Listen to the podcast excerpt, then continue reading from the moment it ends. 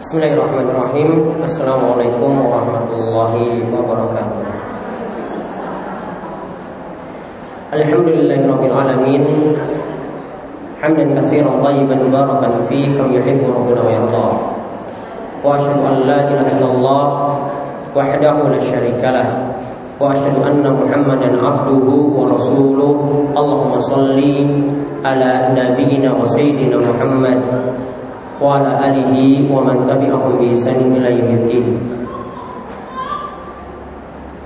Allahumma aslih lana dinana alladhi huwa ismatu amrina wa aslih dunyana allati fiha ma'ashuna wa aslih akhiratana allati fiha ma'aduna waj'al waj'al lana ziyadatan fi kulli khair waj'al mauta rahatan Allahumma anfa'na bima 'allamtana wa 'allimna ma yanfa'una wa zidna ilman. Alhamdulillah Ibu-ibu Para jamaah sekalian yang semoga selalu dirahmati oleh Allah subhanahu wa ta'ala. Alhamdulillah kita berada di pagi yang penuh berkah Yang di mana Nabi SAW juga senantiasa mendoakan waktu pagi Allahumma barik li ummati fi bukuriha Ya Allah berkahilah umatku di waktu paginya Dan kita dimudahkan oleh Allah Subhanahu wa taala untuk duduk di majelis yang mulia ini. Mudah-mudahan kita memohon pada Allah Subhanahu wa taala mudah-mudahan majelis kita ini adalah majelis yang penuh berkah, mendapatkan rahmat dari Allah Subhanahu wa taala dan mudah-mudahan dengan majelis ini semakin memperbaiki agama kita, semakin memperbaiki urusan dunia kita dan juga akhirat kita, kehidupan yang Allah Subhanahu wa taala berikan sebagai tambahan kebaikan bagi kita dan mudah-mudahan kita terus istiqomah sampai maut nantinya akan menjemput kita sekalian. Baik uh, ibu-ibu yang semoga selalu dirahmati dan diberkahi oleh Allah Subhanahu wa taala. Di dalam suatu doa yang Nabi Shallallahu Alaihi Wasallam itu senantiasa panjatkan pada Allah Subhanahu Wa Taala dan tadi kami juga bacakan di mukaddimah awal kajian ini yaitu Nabi SAW sering kali membaca doa yang di dalamnya itu meminta lima perkara. Itu doa ini ya ringkasnya doa ini judulnya adalah doa meminta dimudahkan dalam urusan dunia dan akhirat. Yaitu Nabi SAW itu berdoa Allahumma aslih dinil ladzi huwa ismatu amri Ya Allah perbaikilah urusan agamaku yang di mana menjadi benteng bagi hidupku Kemudian yang kedua wa aslih li dunya allati fiha ma'ashi Ya Allah perbaikilah urusan duniaku yang di mana menjadi penghidupanku saat ini. Kemudian yang ketiga, wa aslih li akhiratil lati fiha ma'adi. Ya Allah perbaikilah urusan akhiratku yang di mana akhirat ini akan menjadi tempat kembaliku. Kemudian Nabi berdoa pula waja'alil hayata ziyadatan li fi kulli khair dan jadikanlah kehidupan ini sebagai tambahan kebaikan untukku. Jadikan hidupku ini sebagai tambahan kebaikan untukku. Waj'alil mauta rohatan li min Dan jadikanlah kematian sebagai penutup kejahatan atau kejelekan yang selama ini aku perbuat. Maka ada tiga kandungan yang penting di sini kita kaji. Sebelum nanti kita akan membahas tentang masalah panduan amal soleh di musim hujan karena ini sangat penting sekali setiap muslim itu untuk mengetahuinya. Yang pertama, baginda Nabi Shallallahu Alaihi Wasallam meminta diperbaiki dulu urusan agama sebelum urusan dunia. Lihat ya tadi Nabi SAW memulainya dengan Allahumma aslih dinil ladzi sebelum Allah sebelum wa aslih dunia yallati fiha ma'asyib. Urusan dunia, urusan agama diperbaiki terlebih dahulu baru urusan dunia. Urusan agama diperbaiki terlebih dahulu barulah urusan dunia. Satu kandungan atau pelajaran yang penting kita bisa ambil bahwasanya urusan dunia seseorang itu bisa dimudahkan jika agamanya itu baik. Jika dia semakin bagus, semakin baik dalam agamanya, maka segala urusan dunia dan kesulitan yang dia miliki nanti akan dimudahkan oleh Allah Subhanahu wa taala, akan diangkat oleh Allah Subhanahu wa taala. Maka Nabi SAW memulai doa ini dengan meminta pada Allah supaya dibaguskan, diperbaiki urusan agama terlebih dahulu. Jadi ini pokoknya di sini. Ya, jadi ini pentingnya di sini kita meminta supaya agama kita itu baik. Di antara dalil yang menunjukkan hal ini juga pernah Ali bin Abi Thalib. Ali bin Abi Thalib itu didatangi oleh seorang budak. Dan budak ini punya transaksi dengan majikannya dengan transaksi mukatab. Maksudnya dia bisa merdeka kalau menebus dengan uang dari dirinya sendiri. Budak ini bisa merdeka kalau ditebus dari uang yang dia miliki sendiri.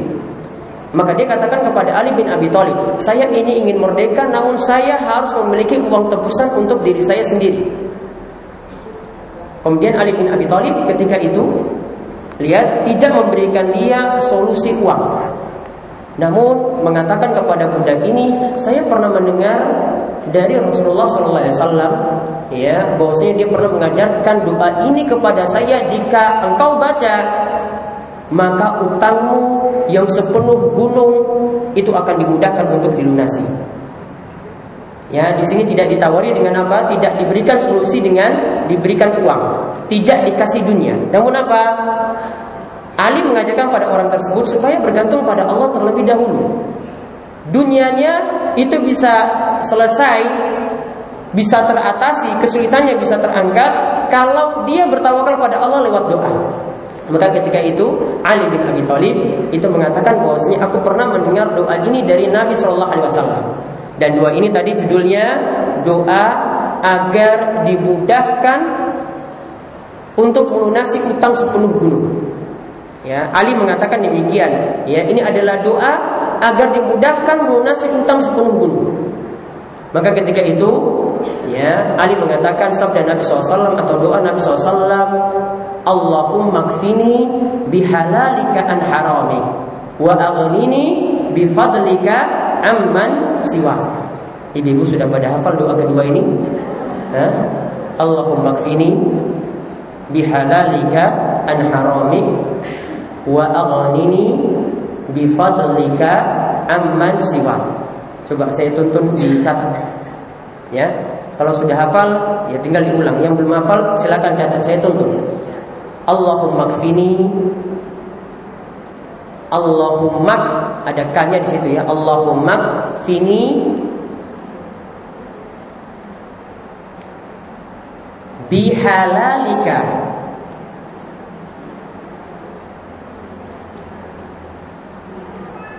Bihalalika.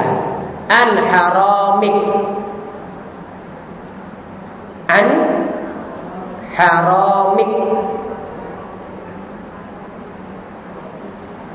Allahumma kfini bihalalika an haramik. Wa aghnini wa agh wa agh ghaib wa aghnini bifadlika bifadlika amman siwak amman amman ini soalnya pakai ain ain itu nggak ada dalam bahasa Indonesia jadi agak sulit memang untuk ini amman amman amman ya amman siwa coba saya ulang Amman siwa kaf. Terakhirnya itu kaf. Ya, kaf biasa. Saya ulang, Allahumma kfini bihalalika an haramik wa aghnini wa aghnini bifadlika amman siwak. Coba sesarengan coba baca. Maaf saya agak campur sedikit dengan bahasa Jawa. Soalnya saya biasa ngajar sepuh-sepuh seperti itu tadi. Coba diulang Baca coba bersama-sama coba Allahumma fini bihalalika an haramik wa aghnini bifadlika amman siwa. Kalau sudah punya get-get yang bagus-bagus itu sudah ada di website saya di rumaiso.com. Nanti bisa dicari, saya beri judul itu doa untuk melunasi utang sepuluh gunung. Itu bisa dicari. Ya. Ada penjelasannya juga lengkap di situ kisahnya yang tadi saya sebutkan dari Ali bin Abi Thalib dengan seorang budak tadi. Itu doanya apa tadi tujuannya? Doanya ya untuk melunasi utang sepuluh gunung. Namun artinya ini kalau mau dicatat artinya monggo silakan dicatat artinya. Ya Allah cukupkanlah aku.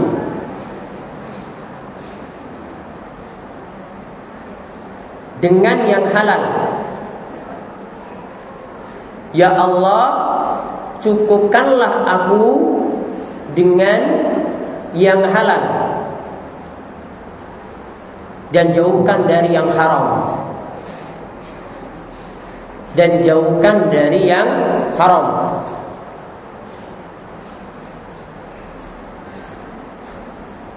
serta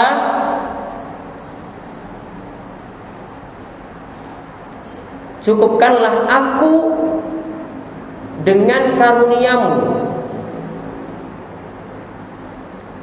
Serta cukupkanlah aku dengan karuniamu dari bergantung dari bergantung pada selainmu dari bergantung pada selainmu Ya Allah cukupkanlah aku dengan yang halal dan jauhkanlah aku dari yang haram serta cukupkanlah aku dengan karuniamu dari bergantung pada selainmu. Kalau yang pertama kalimat yang pertama premis yang pertama itu meminta rizki yang halal pada Allah dan dijauhkan dari yang haram. Kaitannya dengan masalah utang tadi pada premis yang kedua, penggalan yang kedua, yaitu cukupkanlah aku dengan karuniamu. Maksudnya kita meminta pada Allah supaya diberikan rezeki supaya dimudahkan utang tadi dan tidak bergantung pada selain Allah Subhanahu wa taala dan tidak bergantung pada selain Allah Subhanahu wa taala. Jadi tawakalnya penuh, tawakalnya itu tinggi pada Allah Subhanahu wa taala. Ini jadi dalil tadi yang saya katakan apa?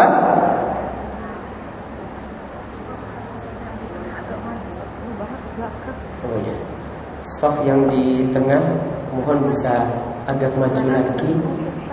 Di belakang katanya tidak bisa muat lagi kasihan yang di belakang monggo. Monggo maju terus.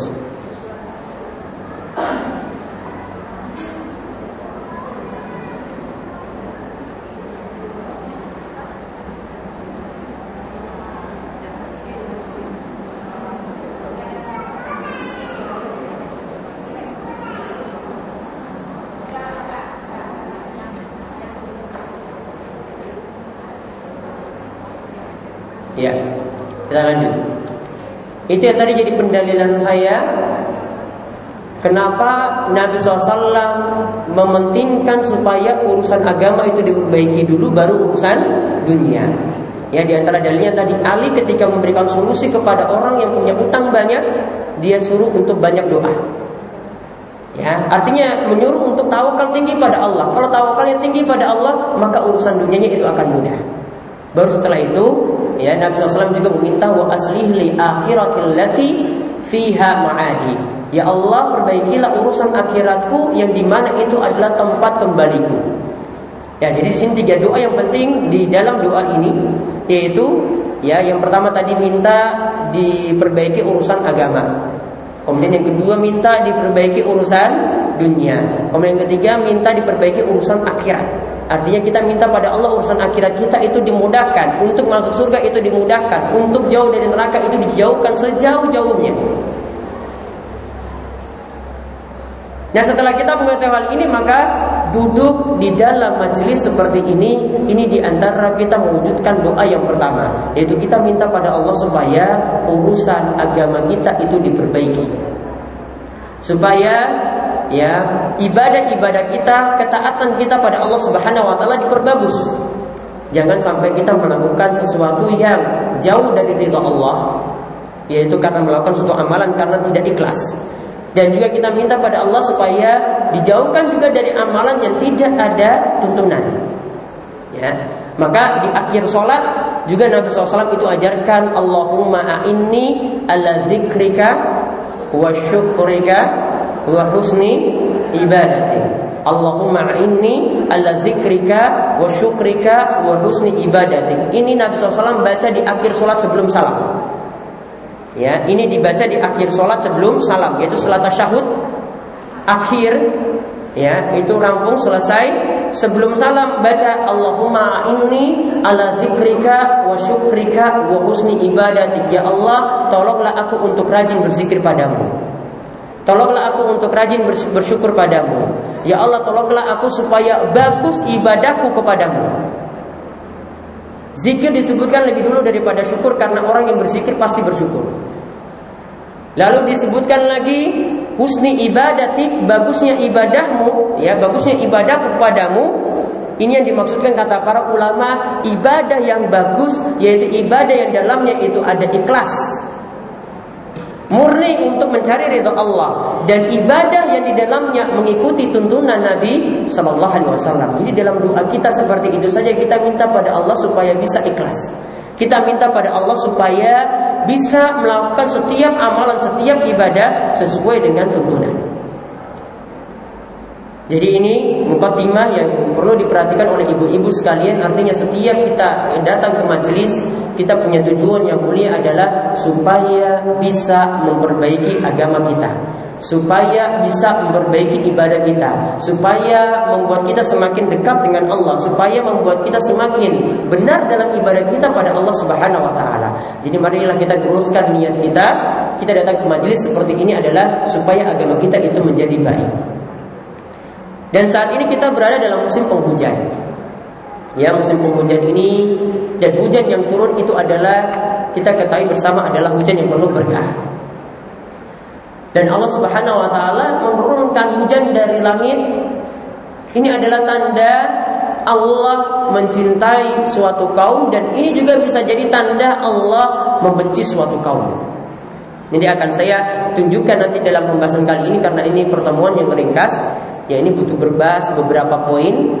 Jadi kita akan membahas tentang masalah hujan dilihat dari sisi akidah, dilihat dari sisi amalan, kemudian dilihat dari sisi fikih. Tiga pelajaran penting yang bisa kita ambil dari hujan. Jadi dari hujan kita bisa mempelajari akidah di situ. Dari hujan kita bisa mempelajari amalan-amalan yang penting yang bisa diamalkan ketika hujan itu turun.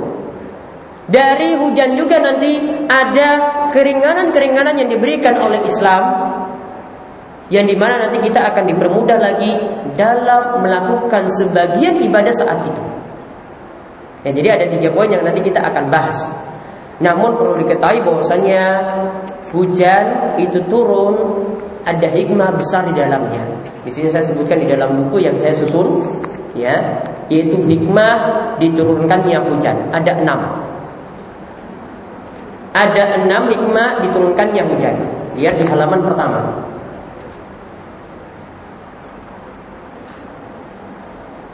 Yaitu hujan adalah bentuk nyata dari rahmat Allah yang diturunkan untuk seluruh makhluk. Jadi ini rahmat. Hujan itu adalah rahmat. Sebagaimana yang Allah Subhanahu wa taala katakan yang Allah Subhanahu wa taala firmankan dalam surat Asy-Syura ayat ke-28. Wa huwallazi yunazzilul ghaiza min ba'di ma qanatu wa yanshuru rahmatah wa huwal waliyul hamid. Dan dialah Allah yang menurunkan hujan Sesudah mereka berputus asa dan menyebarkan rahmatnya Dikatakan hujan di sini dengan wayan syuru rahmatah. Hujan disebut dengan rahmat. Ya, hujan disebut dengan rahmat. Wahwal waliyul hamid dan Allah itu maha pelindung lagi maha terpuji. Maka kalau suatu negeri diberikan hujan, maka itu bisa jadi adalah rahmat Allah Subhanahu wa taala yang turun dan itu tanda kasih sayang dari Allah Subhanahu wa taala kepada umat tersebut. Selain itu yang kedua, hikmah hujan itu turun, hujan itu adalah rizki. Namun hujan itu adalah rizki yang sifatnya umum. Artinya orang muslim dapat, orang kafir juga dapat. Ya, karena rizki ini perlu dicatat penting dan perlu diingat baik-baik rizki itu ada dua macam. Ini biar nanti mengerti kapan rizki yang perlu kita syukuri dengan besar, ya benar-benar kita syukuri dan kapan rizki yang kita anggap itu sama seperti orang lain. Para ulama bagi rizki itu menjadi dua. Yang pertama rizki yang sifatnya umum. Rizki yang sifatnya umum. Rizki am. Yaitu segala bentuk manfaat yang diperoleh orang muslim dan juga orang kafir.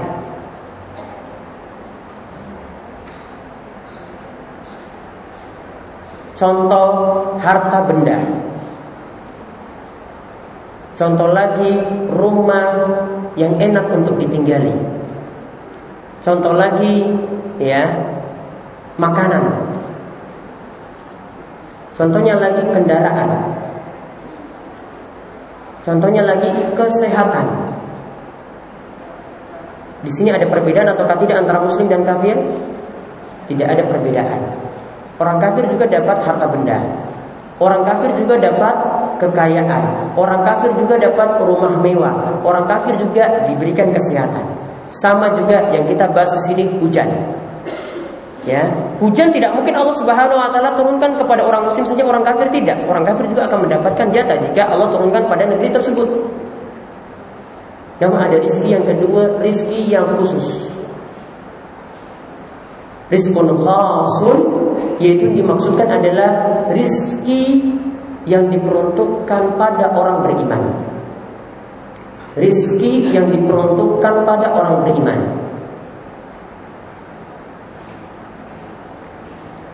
Yaitu apa yang dimaksudkan di sini? Yaitu ilmu yang bermanfaat, amalan yang soleh, rizki yang halal, dan segala nikmat akhirat itulah yang disebut dengan rizki yang khusus. Maka ketika ibu-ibu itu mendapatkan rizki yang khusus tadi, mendapatkan nikmat ilmu, mendapatkan nikmat untuk beramal soleh, mendapatkan nikmat iman, mendapatkan nikmat Islam, mendapatkan harta yang halal, rizki yang halal. Karena orang kafir tidak memperhatikan halal dan haram. Orang berimanlah yang memperhatikan halal dan haram. Maka ini patut disyukuri lebih besar daripada mendapatkan rezeki yang sifatnya umum tadi. Ya, daripada mendapatkan rezeki yang sifatnya umum tadi. Maka inilah yang patut dikejar lebih besar daripada rezeki juga yang sifatnya umum tadi. Bagaimanakah kita harus berlomba-lomba untuk mendapatkan ilmu yang bermanfaat Yaitu duduk di majelis ilmu Atau terus banyak untuk mengkaji agama? Bagaimanakah kita berlomba-lomba untuk Paling terdepan manakah di antara kita yang Lebih banyak beramal soleh? Di sini tidak dikatakan banyak beramal. Namun apa? Banyak beramal soleh. Karena Yang dipentingkan di sini solehnya Bukan banyak amalnya yang dipentingkan ini adalah solehnya bukan banyak amalnya. Maka tadi doa yang saya sebutkan di awal tadi, Allahumma a'inni ala zikrika wa syukrika wa husni ibadati. Di situ Nabi SAW bukan mengatakan ya cuma ibadah saja, namun apa ditambah dengan sifat husn, yaitu bagusnya ibadah. Di sini diterangkan oleh Syekh Muhammad bin Shalih Utsaimin dalam kitabnya dalam kitabnya Bulughul Maram, beliau itu mengatakan bahwasanya yang lebih dipentingkan itu adalah bagusnya ibadah bukan banyaknya ibadah. Contoh misalnya beliau contohkan kalau ibu-ibu melaksanakan sholat sunnah qabliyah subuh itu diperintahkan sholatnya itu ringkas. Yang disunahkan baca surat apa ketika itu?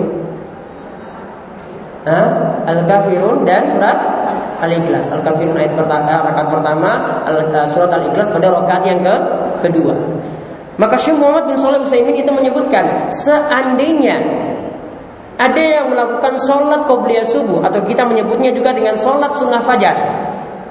Kita melakukannya itu lama sekali sujudnya ingin lama, bacaannya ingin lama.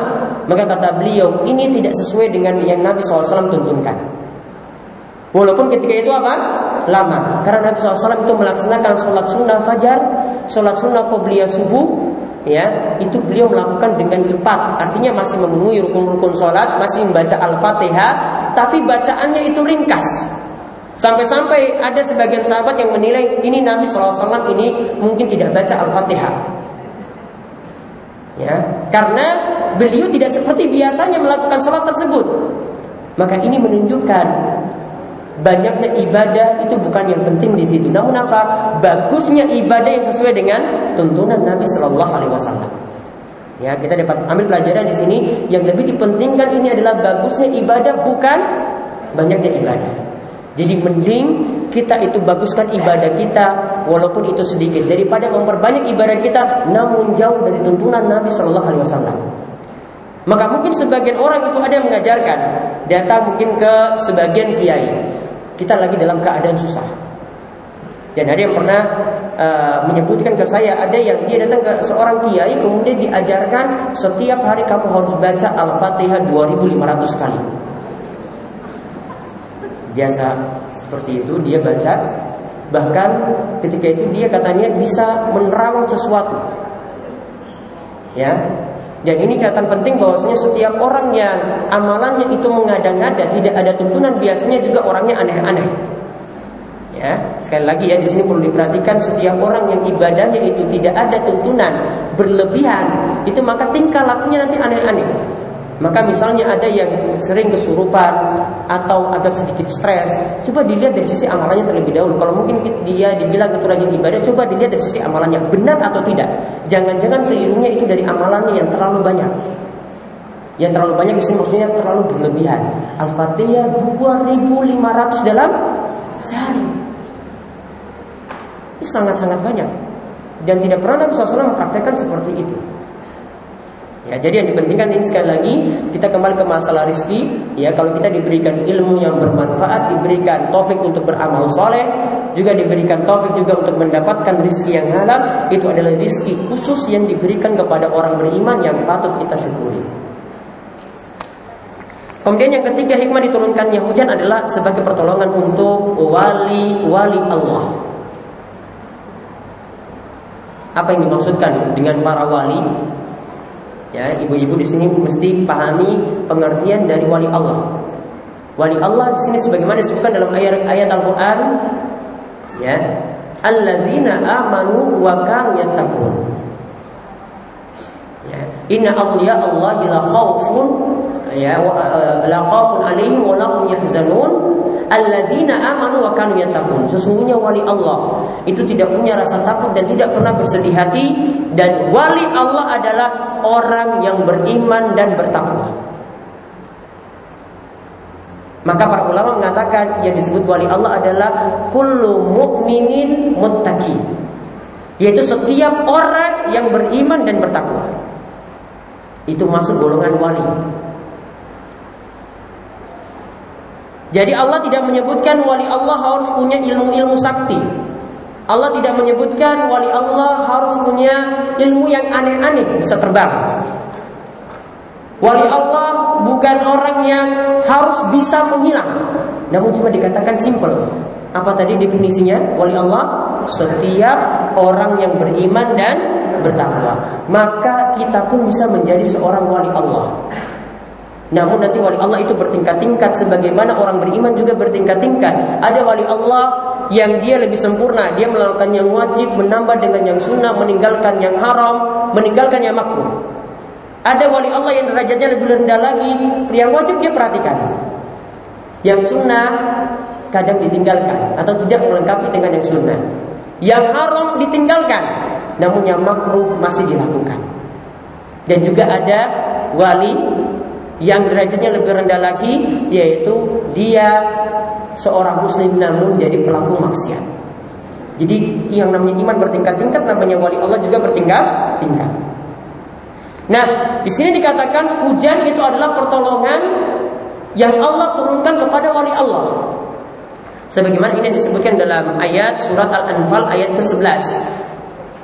Iz yughasikum nu'as amanatan min wa yunazzilu alaikum minas sama'i ma'an yutahhirakum bi syaitan ala. Ingatlah ketika Allah menjadikan kalian itu mengantuk sebagai suatu penentraman daripadanya. Maksudnya Allah memberikan kepada manusia sifat ngantuk. Ya, ini sifat ngantuk. Ini memang ada manfaatnya dari satu sisi, yaitu apa? Supaya bisa menenteramkan manusia. Karena kalau tidak ngantuk, ya tidak ada waktu untuk istirahat. Ya, dia tidak pernah untuk merasakan nikmatnya istirahat. Namun kalau diberikan ngantuk itu adalah suatu nikmat. Namun kadang posisinya tidak tepat. Ya, namun kadang posisinya itu tidak tepat. Bahkan ada yang punya kebiasaan juga. Ya, ini ada kalau pengajian saya di di rumah sana ya di Gunung Kidul itu ada bapak-bapak yang setiap ya kajian pokoknya tunggu waktu saja 5 sampai 10 menit dia sudah akan turun. Ya, dia sudah akan turun ngantuk. Ada yang jadi kebiasaan. Di majelis mana pun, ya dia akan keadaannya seperti itu. Ya mungkin dari satu sisi itu adalah suatu nikmat. Dia bisa ngantuknya itu pada pas majelis kajian ya mungkin karena majelis kajian penuh ketenangan malaikat banyak yang datang kan. Jadi dia entah mengantuknya juga di situ. Namun majelis-majelis yang lain tidak pernah ngantuk. Namun ini harus diperbaiki. Ya, ini meletakkan sesuatu bukan pada tempatnya. Nah, lihat. Lalu Allah katakan dan Allah menurunkan kepadamu hujan dari langit untuk mensucikan kamu dan untuk menghilangkan dari kamu gangguan-gangguan syaitan. Jadi hujan itu turun supaya untuk mengalahkan setan-setan. Dan di sini Allah turunkan kepada wali-wali Allah. Dan untuk menguatkan hatimu dan memperteguh dengannya telapak kakimu. Dan inilah yang terjadi ketika peperangan. Nabi SAW itu kadang ditolong dengan diturunkannya hujan hujan itu turun dan itulah yang jadi pertolongan kepada wali Allah yaitu Nabi SAW dan pengikutnya ketika itu Kemudian hujan itu turun juga. Yang keempat Hikmahnya adalah sebagai alat untuk bersuci. Jadi hujan itu, air hujan itu halal bagi kita dan suci bagi kita gunakan untuk bersuci. Maksudnya untuk berwudu atau untuk mandi. Maksudnya untuk berwudu atau untuk mandi. Kalau di sini mungkin tidak biasa menggunakan air hujan langsung ditampung kemudian dipakai untuk makan dan minum. Namun kalau orang-orang di daerah-daerah yang sulit biasanya punya bak besar. Kemudian nanti dari air hujan yang turun di atapnya itu ada talang yang nanti nampung kemudian nanti mengalirkan sampai ke bak airnya tadi. Mereka akan menggunakan air hujan tadi untuk apa? Untuk makan, untuk minum, untuk berwudu, untuk nyuci dan keperluan yang lainnya ya dan keperluan yang lainnya. Dan di sini kita bisa menggunakan air hujan tersebut untuk bersuci yaitu untuk berwudu dan mandi. Ya, dan ini jadi air yang halal, air yang suci bagi kita gunakan untuk berwudu. Bahkan Nabi SAW nanti ada suatu kisah Nabi SAW itu menyuruh budak wanita untuk keluar ketika hujan itu turun kemudian ambil berkah dari air hujan tersebut digunakan untuk bersuci. Bahkan Nabi SAW saking jarang mendapatkan hujan, beliau ketika hujan itu turun, beliau membuka bajunya.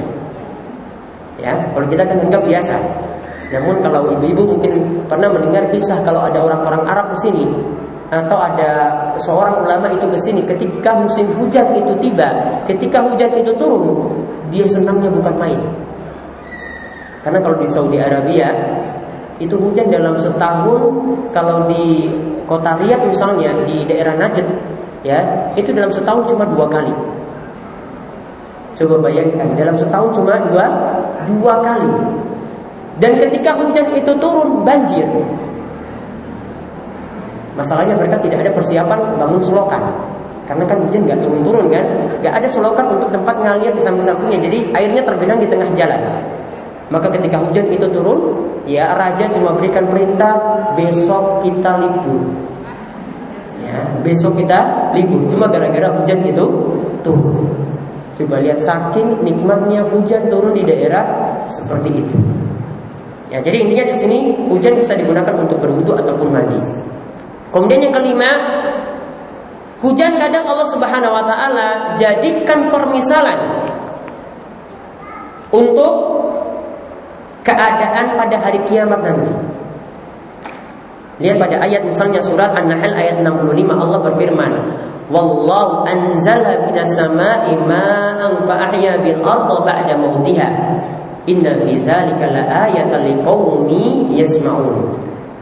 Allah menurunkan dari langit itu air yaitu hujan dan Allah menghidupkan tanah ba'da mautiha setelah sebelumnya itu gersang.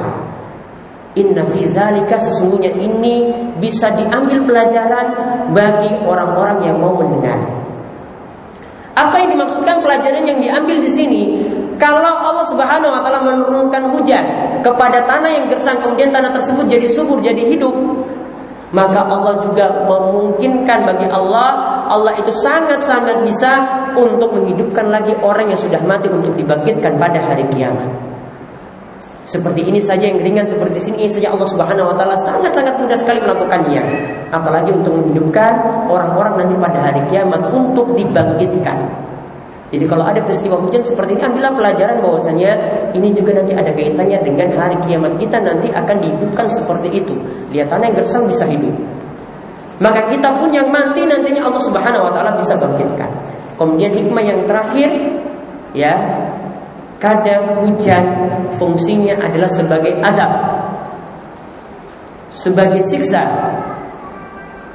Bagi pelaku maksiat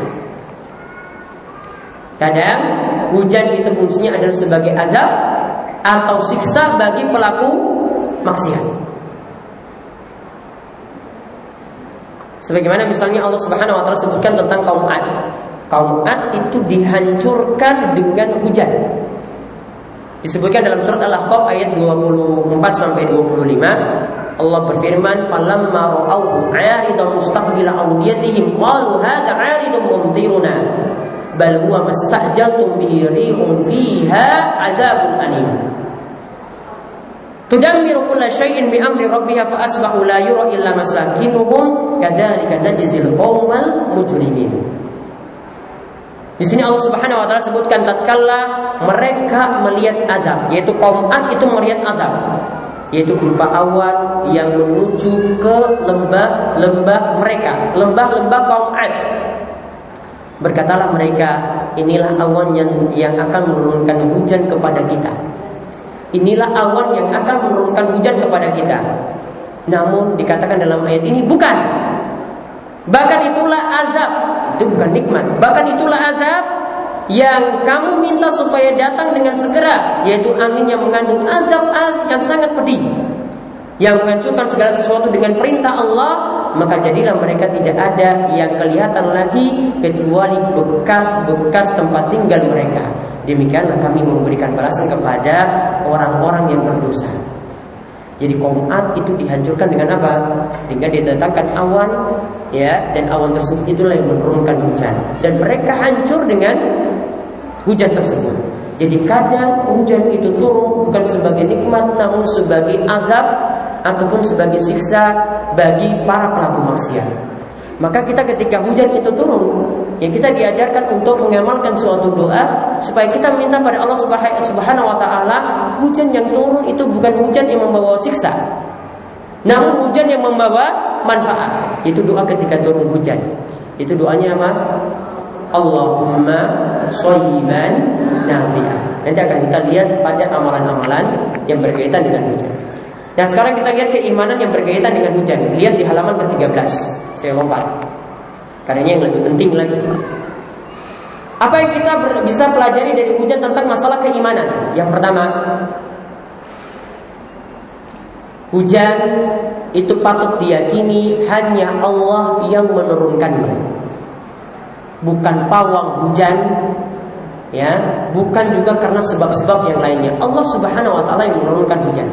Meskipun seorang pawang itu melakukan sebab-sebab melakukan ritual-ritual kalau Allah takdirkan hujan tidak akan turun, hujan tidak akan turun. Dikatakan dalam ayat ma yaftahillahu lin-nasi min rahmatin fala mumsika laha wa may yumsik fala mursila lahu min ba'di wa huwal azizul hakim. Allah Subhanahu wa taala berfirman, apa saja yang Allah anugerahkan kepada manusia berupa rahmat, maka tidak ada seorang pun yang dapat menahannya. Kalau Allah turunkan hujan tidak mungkin ada yang menghalanginya. Dan apa saja yang Allah itu tahan, maka tidak ada yang bisa memaksa supaya itu turun. Maka kalau Allah itu ya katakan hujan tidak akan turun, ya hujan tidak akan turun. Tidak mungkin ada yang memaksa supaya hujan tersebut itu keluar. Dan dialah yang maha perkasa lagi maha bijaksana. Maka Allah lah yang menahan hujan itu turun dan Allah lah yang menurunkan hujan. Ini yang harus diyakini yang pertama. Kemudian yang kedua, keimanan yang kedua yang patut diyakini hujan itu turun merupakan bagian dari ilmu gaib. Maksudnya kapan waktunya itu turun? Tempatnya persisnya itu di mana? Besar curah hujannya itu seperti apa? Cuma Allah Subhanahu wa taala saja yang mengetahuinya. Adapun yang kita biasa ketahui ada prediksi. Ya, ini tidak selamanya benar. Tempatnya juga tidak bisa diprediksi persis di sini jatuhnya. Titik hujan ini persis jatuhnya itu di sini, tidak bisa diprediksi. Besar curah hujannya juga tidak bisa juga diperkirakan. Waktunya persisnya jam berapa, menit ke berapa, detik ke berapa juga tidak bisa ada yang tentukan kecuali ini adalah ilmu dari Allah Subhanahu wa taala. Makanya disebutkan ada lima kunci ilmu gaib yang disebutkan dalam ayat surat Luqman ayat ke-34. Yaitu Allah Subhanahu wa taala katakan innallaha indahu ilmu sa'ah. Sesungguhnya Allah lah yang mengetahui kapan datangnya kiamat. Ilmu gaib yang pertama. Kapan datang kiamat itu adalah ilmu gaib yang pertama. Wa yunazilul ghaitha. Dan Allah lah yang mengetahui kapan hujan itu turun atau dialah yang menurunkan hujan. Itu yang kedua. Kemudian yang ketiga, ya, wa ya'lamu ma fil arham. Dan Allah lah yang mengetahui apa yang ada dalam rahim.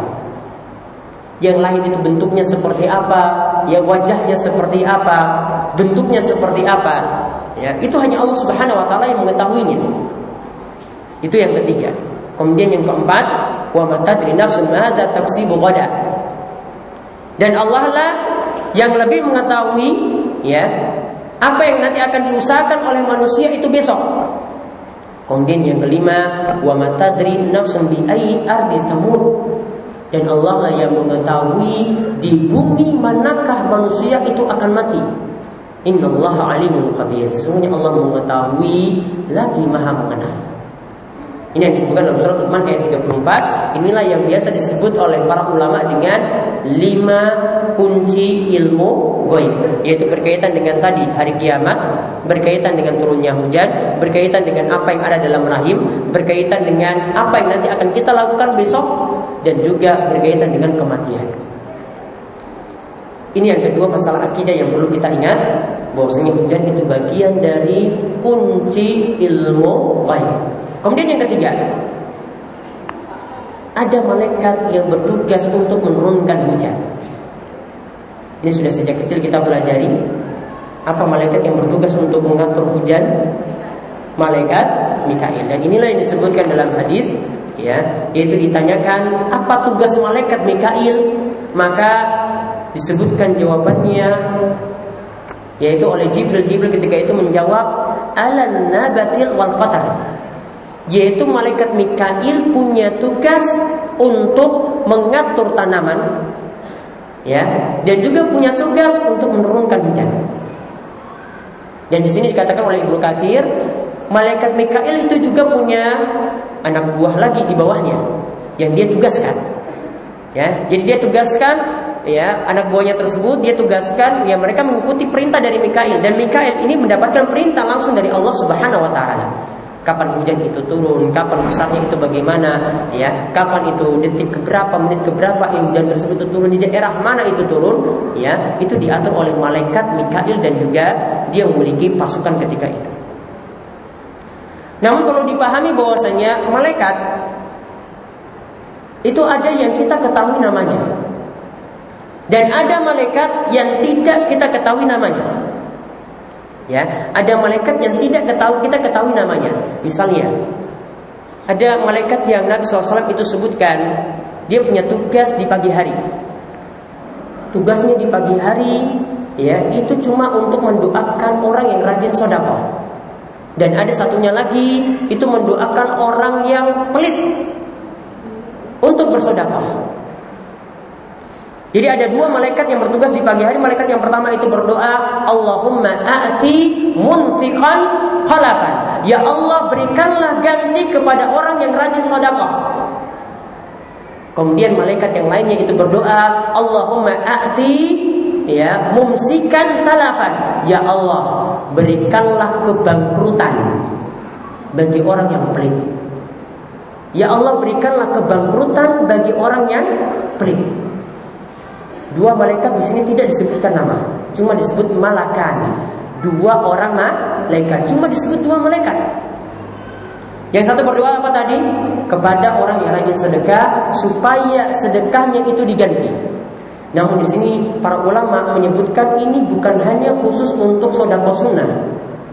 Namun di sini lebih khusus lagi untuk sedekah yang wajib. Sedekah yang wajib itu bisa mencakup dua, yaitu seorang suami memberi nafkah kepada keluarga dan juga ini mencakup masalah zakat.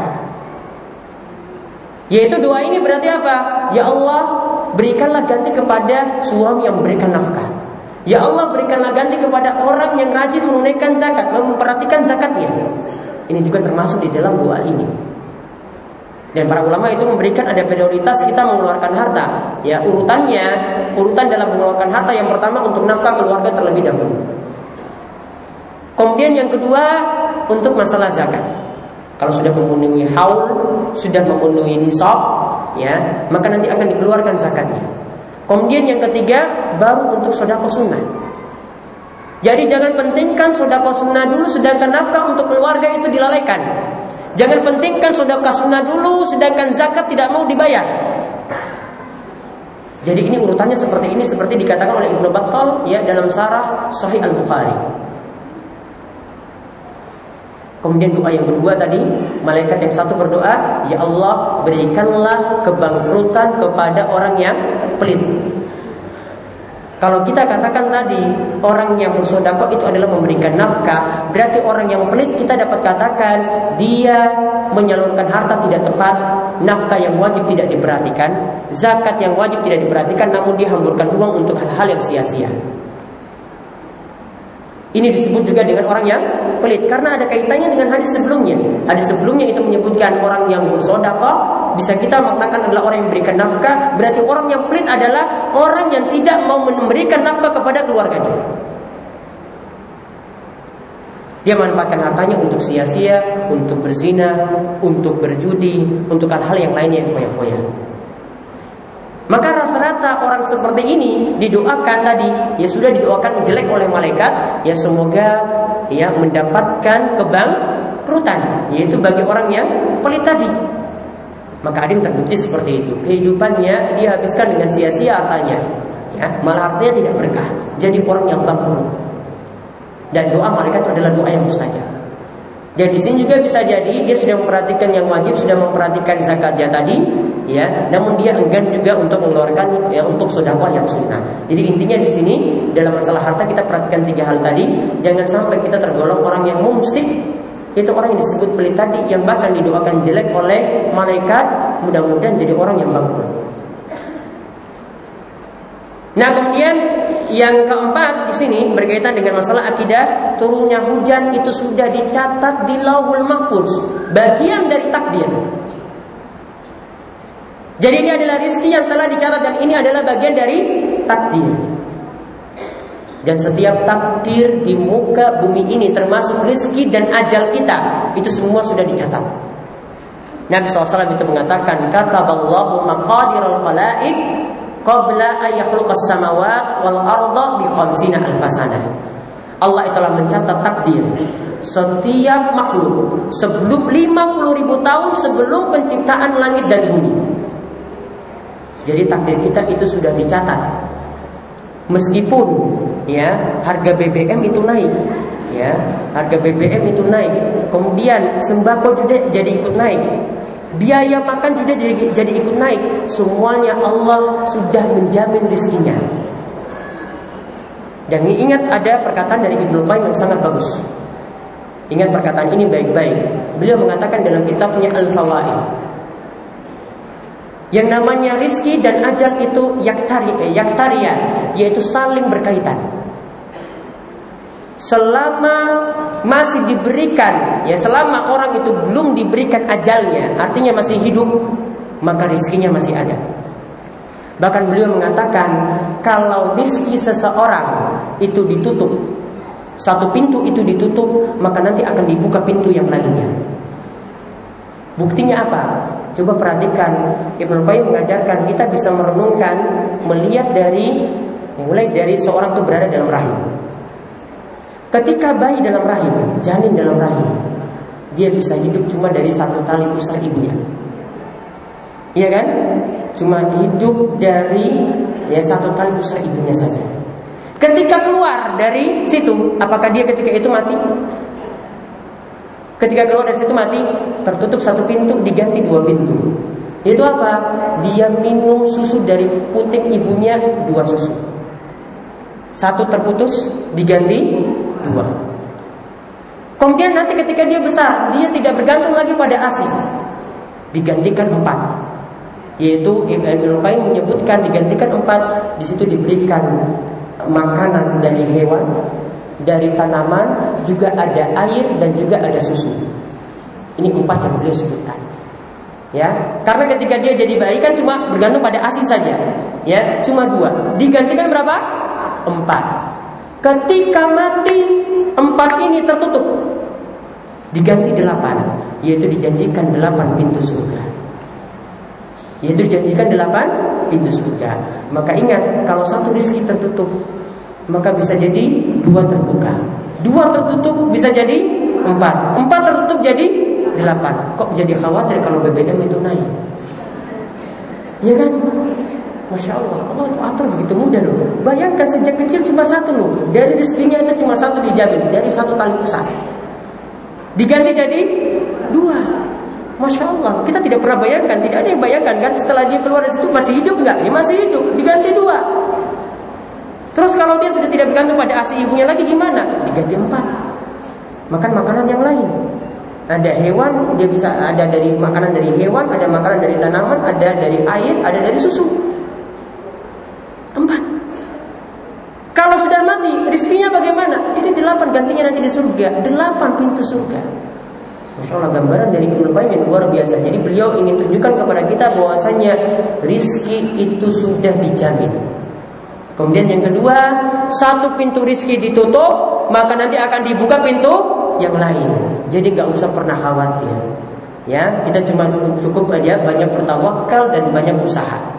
Ya, walaupun mungkin itu terasa susah awalnya, nanti Allah akan ganti dengan yang lebih baik. Ya, harus yakin seperti itu. Ini dalam masalah takdir, ya ini juga berkaitan dengan hujan seperti tadi. Yang kemudian yang kelima yang berkaitan tentang masalah akidah yaitu tentang suara petir. Kita bisa ambil pelajaran dari suara petir.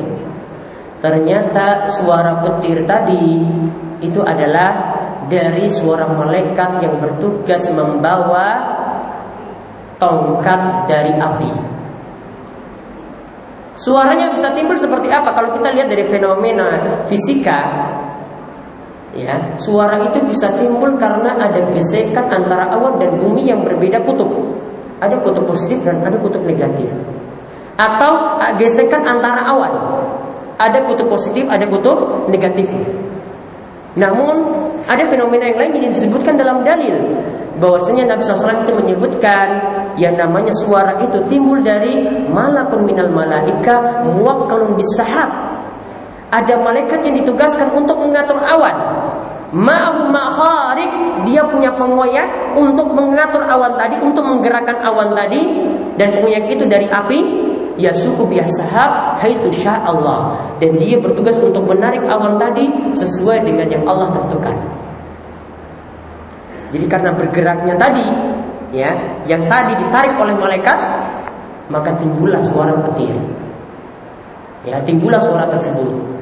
Dan di situ ada cahaya. Cahaya itu tadi karena ada gesekan tadi. Baru setelah itu muncul suara. Cahaya lebih dahulu apa suara lebih dahulu? Hah? Cahaya lebih dahulu apa suara lebih dahulu? Cahaya kecepatannya lebih tinggi ataukah suara? Cahaya. Ya, maka cahaya dulu muncul, terus tunggu mungkin hampir satu menit kemudian baru suara itu muncul. Ya, karena kecepatan cahaya itu lebih tinggi daripada kecepatan suara. Nah, ini tanda keimanan juga yang berkaitan dengan hujan. Nah, sekarang kita lihat dari sisi amalan. Lihat di halaman. Ya, saya lompat lagi. Di situ ada metode untuk menurunkan hujan. Kan hujan sudah turun kan kita tidak pakai metode lagi untuk menurunkan hujan. Hujan sekarang sudah turun. Nah sekarang bagaimana kita menyikapi hujan yang turun? Apa amalan yang kita lakukan? Nah silakan lihat di halaman ke-37 beberapa amalan ketika turun hujan. Yang pertama, seseorang harus takut Jangan-jangan hujan yang turun itu adalah azab atau siksa. Apalagi dia melihat awan yang begitu hitam, kelam, ya. Apalagi dia melihat awan yang begitu hitam, kelam dan inilah yang dipraktekkan oleh Nabi Shallallahu Alaihi Wasallam. Ketika dia lihat awan yang mendung hitam, maka Nabi SAW menghentikan aktivitasnya. Maka tatkala itu turun hujan, maka beliau mengucapkan Allahumma sayyiban nafi'ah. Ya Allah turunkanlah hujan yang bermanfaat. Jadi intinya ada rasa takut di situ. Jangan-jangan ini adalah hujan yang membawa musibah. Kemudian yang kedua, amalan yang kedua adalah doa yang kita panjatkan ketika melihat hujan itu turun. Itu doanya apa? Allahumma sayyiban nafi'a. Ya Allah turunkanlah hujan yang bermanfaat. Bukan hujan yang membawa musibah. Bukan hujan yang membawa banjir. Bukan hujan yang membawa bencana. Maka kita mohon pada Allah seperti itu. Kemudian yang ketiga, amalan yang ketiga, ini juga yang bisa diamalkan saat hujan itu turun, itu adalah waktu emas untuk memperbanyak doa.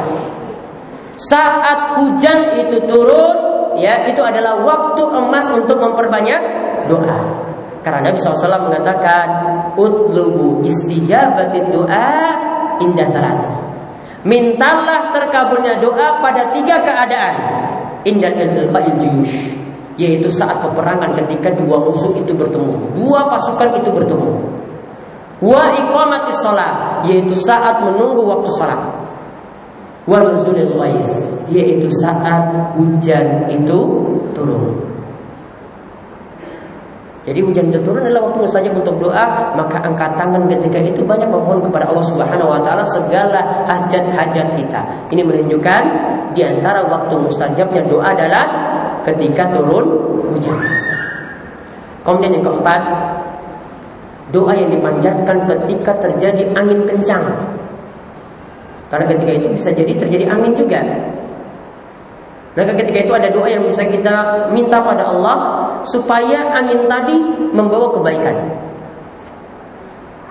Untuk mengatur tanaman biar bisa terjadi penyerbukan sehingga bisa ketika terjadi perkawinan dan bisa jadi tanaman yang banyak. Atau minta kebaikan yang lainnya. Jadi jangan sampai angin ini membawa musibah. Bagaimana doanya? Di sini Nabi SAW itu ajarkan, Allahumma inni as'aluka khairaha wa khaira ma fiha wa khaira ma usilat bihi wa a'udzubika min syarriha wa syarri ma fiha wa syarri ma usilat bihi. Ya Allah, aku memohon kepadamu kebaikannya dan kebaikan ya yang dikandungnya dan apa yang dia bawa. Dan ya Allah aku memohon perlindungan kepadamu dari kejelekannya dan juga ya kejelekan yang dia yang kejelekan yang dikandungnya dan apa yang dia bawa ketika itu yaitu angin tersebut. Nanti ada ringkasan doa saya uh, gabungkan di akhir tulisan ini. Kemudian yang kelima doa ketika mendengar petir. Mendengar suara petir. Yaitu di sini ada beberapa lafaz, namun ini bukan dari sabda Nabi Shallallahu Alaihi Wasallam. Ini dari doa sahabat. Yaitu ada di antara sahabat yang berdoa Subhanallazi sabbahat lahu.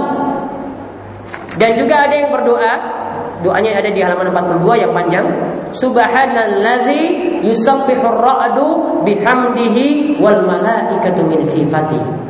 Maha Allah yang petir dan malaikat itu bertasbih.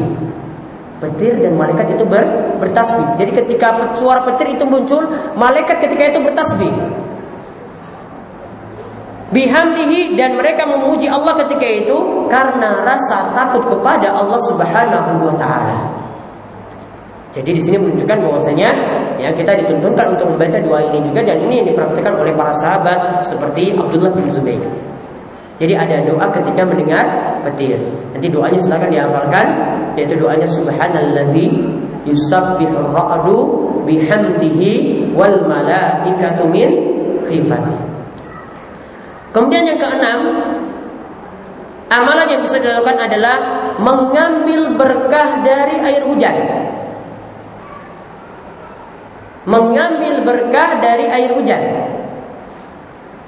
Yaitu ketika itu Nabi SAW itu pernah ya menyuruh uh, yaitu Ibnu Abbas itu pernah mengatakan kepada budak wanitanya ketika terjadi hujan dia mengatakan akhriji sarji, akhriji siyabi, keluarkan pelanaku dan keluarkan bajuku. Wa yaqul wa nazzalna minas samaa'i ma'an mubarakan. Saat ini sedang diturunkan hujan dari langit yang penuh berkah. Mereka ketika itu para sahabat ngalap berkah dengan air hujan. Kalau orang-orang kita ya di sekitar kita itu ada yang ngalap berkah dengan sesuatu yang tidak ada tuntunan. Ini ngalap berkah dengan air hujan dan Nabi SAW itu mengatakan tentang air hujan li'annahu hadithu ahdin bi ta'ala. Hujan ini baru saja diciptakan oleh Allah Subhanahu wa taala. Hujan yang satu tetes itu turun. Itu baru saja diciptakan. Maka ketika itu Ibnu Abbas ngalap berkah dengan mengeluarkan baju dan pelananya dengan air hujan tersebut. Jadi boleh ngalah berkah dengan air hujan. Ya, beda dengan sebagian tempat yang ngalah berkah dengan sesuatu yang tidak logis. Ya, sesuatu yang tidak masuk akal. Ada yang ngalah berkah dengan kotoran kebo. Ya, kotoran kebo. Tahu kebunya? Kebunya diberi nama kebo Kiai Selamat. Ketika kebunya ini mati, itu disakralkan seperti seorang wali yang mati. Coba bayangkan ketika kebunnya ini kebun loh bukan manusia. Kebunnya ini mati disakralkan seperti seorang wali yang mati. Ya, maka nanti dibacakan doa juga di situ. Sama seperti ketika seorang wali yang mati. Jadi kadang ketika dia hidup itu sudah tidak logis lagi kotorannya diambil, ngalap berkah. Katanya kalau disimpan rizki bisa lancar, usaha bisa lancar, ya yang punya utang sepenuh gunung tadi juga bisa teratasi. Ya, jadi beberapa ritual ritual pesugihan seperti tadi ini kadang tidak logis. Ya nanti mungkin suatu saat saya bahas beda tentang masalah pesugihan di tanah air. Insya Allah nanti bukunya akan terbit. Ya, pesugihan di tanah air sampai nanti akan saya sebutkan salah satu ritual pesugihan dengan disebut gunung seks. Karena ketika itu di gunung tersebut itu cara uh, untuk mendapatkan pesugihan harus melakukan perzinaan dengan wanita yang bukan yang tidak halal baginya. Maka disebut gunung tersebut dengan gunung seks. Ya. Di situ disebut dengan gunung seks. Itu untuk dapat pesugihan, cepat kaya, biar kaya mendadak. Ya, kita kalau mikir ya memang itu aneh ya, tapi kok bisa seperti itu? Kok ada yang bisa seperti itu? Ini bukan orang-orang yang yang biasa-biasa yang tidak ngerti. Ada yang orang cerdas, orang pintar, pejabat juga datang ke gunung seperti itu untuk melakukan ritual tadi. Maka yang ada gunung tadi bukan jadi ritual pesugihan, jauh jadi ritual seks bebas. Kemudian yang ketujuh, ya dianjurkan berwudu dengan air hujan. Ya dianjurkan untuk berwudu dengan air hujan. Kalau di sini kan pakai air pump saja. Namun kalau di daerah seperti Gunung Kidul sana itu masih pakai air hujan. Air hujan itu ditampung untuk air wudhu. Bahkan air hujan itu ditampung untuk air minum. Ya di sini seperti disebutkan uh, ada hadis yang menyebutkan bahwasanya uh, ketika itu Nabi SAW perintahkan kepada sahabat untuk untuk keluar untuk bersuci dari air hujan. Ya, jadi sekali-sekali bisa hujan tadi dimanfaatkan untuk berwudu dari air hujan tersebut. Kemudian yang kedelapan, tidak boleh mencela hujan. Jadi tidak boleh hujan itu yang disalah-salahkan. Ya, tidak boleh sampai gara-gara tidak bisa pergi jalan-jalan, tidak bisa pergi rapat, tidak bisa pergi melakukan meeting dan seterusnya, hujan yang disalah-salahkan. Tidak boleh. Nabi SAW terhadap angin, beliau katakan, La tasuburrih. Janganlah kalian mencela angin. Karena angin tidak bisa berbuat apa-apa. Angin itu tidak bisa bergerak sendiri. Sama dengan hujan, hujan tidak bisa bergerak sendiri. Ya, hujan itu yang bukan yang mengatur, ya yang bisa membuat kita itu terhalang untuk melakukan sesuatu tidak. Itu sudah Allah Subhanahu wa taala tentukan. Jadi kalau orang itu mencela hujan, kalau orang itu mencela angin, kalau orang itu mencela waktu, sama saja dia mencela ya zat yaitu Allah yang mengatur hujan, yang mengatur angin dan mengatur waktu. Kemudian yang kesembilan berdoa setelah turunnya hujan, setelah hujan itu selesai. Itu apa doanya? Mutirna bifadlillahi wa rahmatihi. Doanya ada di halaman ke-8. Mutirna bifadlillahi wa rahmatihi. Kemudian yang terakhir yang saya bahas secara ringkas yaitu keringanan yang berkaitan dengan hujan. Ini tentang masalah fikihnya. Jadi tadi tentang masalah akidah, kemudian masalah amalan, kemudian yang terakhir kita bahas tentang masalah fikih yaitu berkaitan dengan uh, ibadah-ibadah yang diperingan ketika hujan itu turun.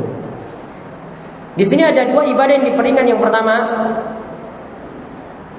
dibolehkan bagi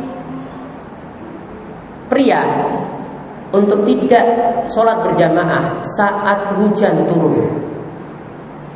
Padahal sebagaimana dikatakan oleh Imam Syafi'i, ya, beliau sendiri tidak memberikan keringanan bagi laki-laki, bagi bapak-bapak untuk melakukan sholat berjamaah. Jadi sholat berjamaah asalnya atau pendapat yang lebih kuat, kuat hukumnya wajib. Nah di sini ya ada keringanan karena ketika hujan itu turun ada salah satu lafaz azan dari Ibnu Abbas atau dari Ibnu Umar ketika mengumandangkan lafaz hayya ala sholat ketika itu diganti dengan sallu fi buyutikum. Sholatlah di rumah kalian saja. Kemudian ada juga dalam lafaz yang lainnya dari Ibnu Umar disebutkan lagi di akhir azan. Jadi azannya diucapkan seperti biasa dikumandangkan seperti biasa sampai pada la ilaha illallah terakhir baru dikumandangkan Allah sallu fi rihalikum atau sallu fi buyutikum salatlah cukup di rumah-rumah kalian saja maka ini jadi dalil bahwasanya ketika hujan itu turun ada uzur untuk tidak sholat berjamaah ke masjid. Kemudian keringanan yang kedua yang bisa diambil juga ketika hujan itu turun yaitu boleh menjamak sholat. Boleh menjamak sholat. Saya sebutkan di halaman ke-60.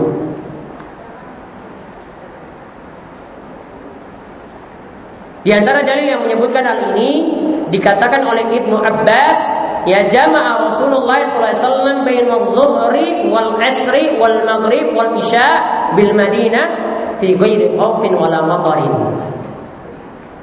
Yaitu Rasulullah SAW itu pernah melakukan sholat dengan cara jamak. Jamak itu artinya apa? Menggabungkan dua sholat pada satu waktu. Yaitu beliau menggabungkan sholat zuhur dan asar. Kemudian menggabungkan sholat maghrib dan isya. Ingat ya, jamaknya di sini tidak bisa asar dan maghrib. Tidak bisa isya dan subuh. Tidak bisa. Ya. Ini sudah jadi ijma kesepakatan zuhur cuma boleh dengan asar, maghrib cuma boleh dengan isya. Dan sini juga ada hikmahnya kenapa isya kok tidak bisa digabungkan dengan subuh. Kalau isya sudah digabung dengan subuh, orang-orang kan nggak perlu lagi bangun subuh. Ya kan? Langsung saya bangun jam 7 pagi. Karena subuh sudah dirapel tadi, sudah digabungkan tadi dengan waktu isya. Kita diajarkan supaya memanfaatkan waktu pagi dengan benar. Makanya subuh dengan isya tidak mungkin digabung. Nah, di sini menunjukkan ada penggabungan sholat zuhur asar. Ada penggabungan sholat maghrib isya. Lalu dikatakan ini dilakukan di Madinah. Tidak saat safar. Jadi ingat ada jamak yang dilakukan tidak saat safar. Kalau cuma dikatakan menjamak, Nabi Shallallahu Alaihi Wasallam tidak mengkosor. Jadi tidak selamanya jamak dan kosor ini jadi teman dekat terus tidak. Kadang mereka berpisah. Artinya jamak cuma sendiri tanpa mengkosor. Mengkosor itu maksudnya apa? Meringkas sholat yang empat rakaat jadi dua rakaat. Jadi sini cuma melakukan jamak saja, yaitu dia lakukan sholat zuhur empat rakaat. Setelah itu asar lagi empat rakaat. Dikerjakan di waktu zuhur misalnya, atau dikerjakan di waktu asar. Atau kerjakan sholat maghrib dan isya digabungkan satu waktu. Maghrib tetap tiga rakaat, isya tetap empat rakaat. Dikerjakan di waktu maghrib. Ini artinya cuma menjamak saja. Nah, sedangkan di sini yang saya perlu beri catatan penting, kalau dalam safar, ya seperti saya sekarang ini seorang musafir, kalau dalam safar itu yang ditekankan adalah mengkosor sholat. Bahkan sebagian ulama menyatakan hukumnya wajib. Selama dia tidak di belakang imam mukim. Kalau imam sholat zuhur 4 rakaat, ya dia tetap 4 rakaat. Namun kalau dia sholat sendiri, maka dia cukup memilih dua rakaat. Zuhur, asar dia memilih dua rakaat. Maghrib tetap tiga, isya jadi dua rakaat, subuh tetap dua rakaat. Yang empat dia jadikan dua. Jadi ketika kita safar, kita boleh cuma mengkosor saja tanpa menjamak. Namun kalau kesulitan untuk menggabungkan di satu waktu untuk uh, untuk mengerjakan di masing-masing waktu, maka saat itu boleh menjamak dan mengkosor sekaligus. Namun kosor sholat tidak ada ketika kita itu mukim seperti sekarang. Yang ada cuma menjamak. Ya, jadi ini harus diperhatikan baik-baik. Ya, contoh misalnya jamak sekaligus kosor, nah itu ketika jamaah haji misalnya, ya saat bertolak dari Arafah ke Musdalifah. Sholat maghrib digabungkan dengan sholat isya. Ya, kadang dia dapat sholat isya yang nanti di Musdalifah, dia gabungkan waktu maghrib dan isya ketika itu. Kadang karena tidak bisa keluar dari Arafah, akhirnya melaksanakan sholat maghrib dan isya sekaligus di Arafah.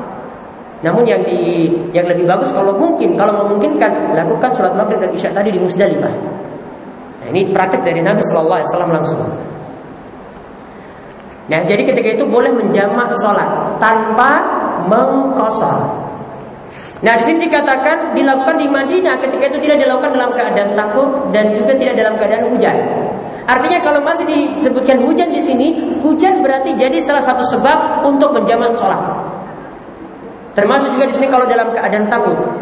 Termasuk juga sampai para ulama sebutkan dalam masalah kontemporer seperti misalnya kalau orang itu sulit mengerjakan sholat di masing-masing waktu karena macet. Misalnya, baru bertolak dari kantor, ya, sholat asar sudah. Pas kena macet, pas waktu maghrib, waktu maghrib singkat. Dan ingat, sholat wajib itu diperintahkan di atas di, di harus turun dari kendaraan, tidak boleh di atas kendaraan. Kecuali kalau dalam keadaan sulit ya. Misalnya kita naik kereta, nggak mungkin turun kan? Naik pesawat, nggak mungkin turun kan? nggak mungkin turun. Terpaksa lakukan di atas kendaraan. Namun asalnya ya harus turun dari kendaraan melakukannya.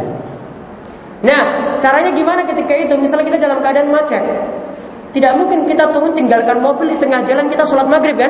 Nggak mungkin. Maka sholat maghrib diundur ke waktu isya dilakukan ketika itu sholat isya eh, sholat maghrib dilakukan di waktu isya. Ini salah satu uzur yang para ulama sebutkan. Ya, jadi ini, ter, ini termasuk dalam uh, jamak sholat yang dibolehkan ya dan ini cuma menjamak saja tanpa mengkosor karena dia tidak melakukan safar ketika itu masih di dalam kota. Jadi dua keringanan yang kita lihat di sini. Kemudian saya menyebutkan tentang cara menjamak sholat. Ada di halaman 75. Nah ini saya sebutkan keadaan keadaan boleh menjamak sholat ketika mungkin. Artinya ketika kita bukan bersafar. Pertama saat tanah itu penuh lumpur dan lumpurnya tadi merintangi jalan, apalagi banjir. Ini cuma lumpur saja. Nah ketika itu sholatnya boleh dijamak.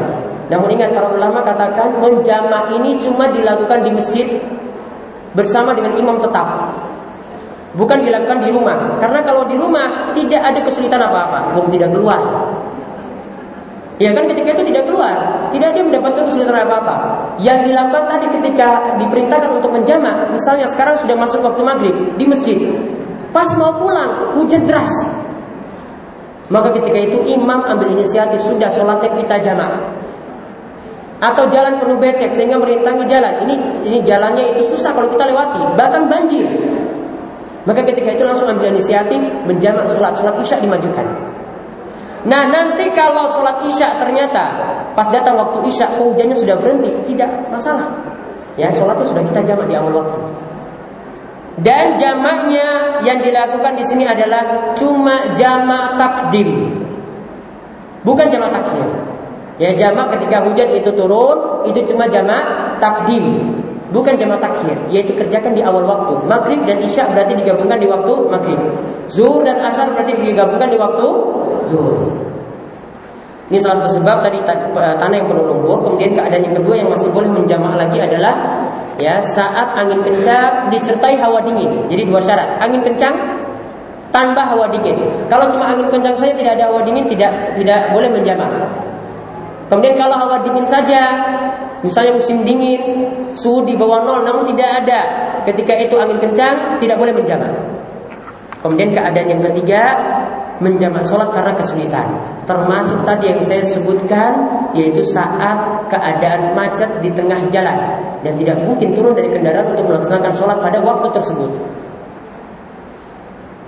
Namun kalau misalnya waktu sholatnya itu zuhur, zuhur itu panjang, ya maka dia tidak boleh ketika itu melaksanakan sholatnya di atas kendaraan. Cuma karena alasan, wah ini dalam keadaan macet tidak boleh. Boleh dia lakukan mundur waktu zuhur sedikit atau apa? Nanti zuhur, nanti dia kerjakan. Kalau ini sampai keluar waktu, kerjakan di waktu asar. Kemudian keadaan yang lainnya lagi seperti kata Syaikhul Islam Taimiyah boleh menjamak sholat ketika sakit. Nah dalam menjamak ini saya tidak terangkan poinnya halaman ke-81 dalam masalah menjamak kita boleh menjamak sholat antara sholat yang pertama dengan sholat yang kedua boleh ada aktivitas yang lain. Ketika Nabi SAW itu mengerjakan sholat maghrib dan isya secara jamak, beliau pernah melihat para beliau ketika itu eh, para sahabatnya ketika itu masih mengurus kuda antara sholat maghrib dan isya. Maghrib rampung selesai, ya. Kemudian ada yang mengurus kuda, kemudian baru mengerjakan sholat uh, isya lagi ketika itu. Ada selang waktu untuk aktivitas masih dibolehkan.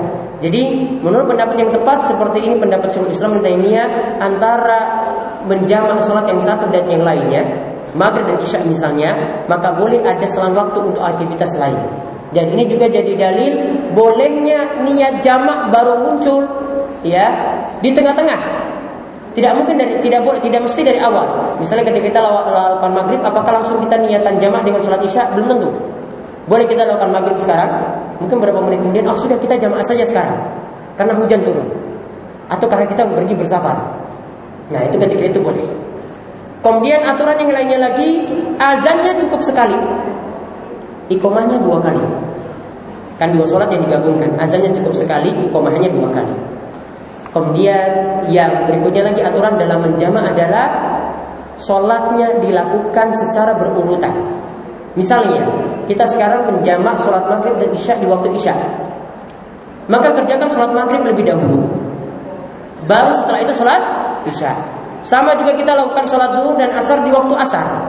Maka ketika itu lakukan sholat zuhur terlebih dahulu, baru setelah itu lakukan sholat asar. Urutan tetap diperlakukan, seperti urutan waktu sholat. Dan inilah tiga pembahasan yang telah kita bahas, yaitu yang berkaitan dengan masalah akidah, ya masalah amalan dan masalah fikih yang berkaitan dengan masalah hujan. Dan ini saja yang bisa kami sampaikan. Mudah-mudahan bermanfaat dan selanjutnya mungkin bisa diperluas dalam tanya jawab.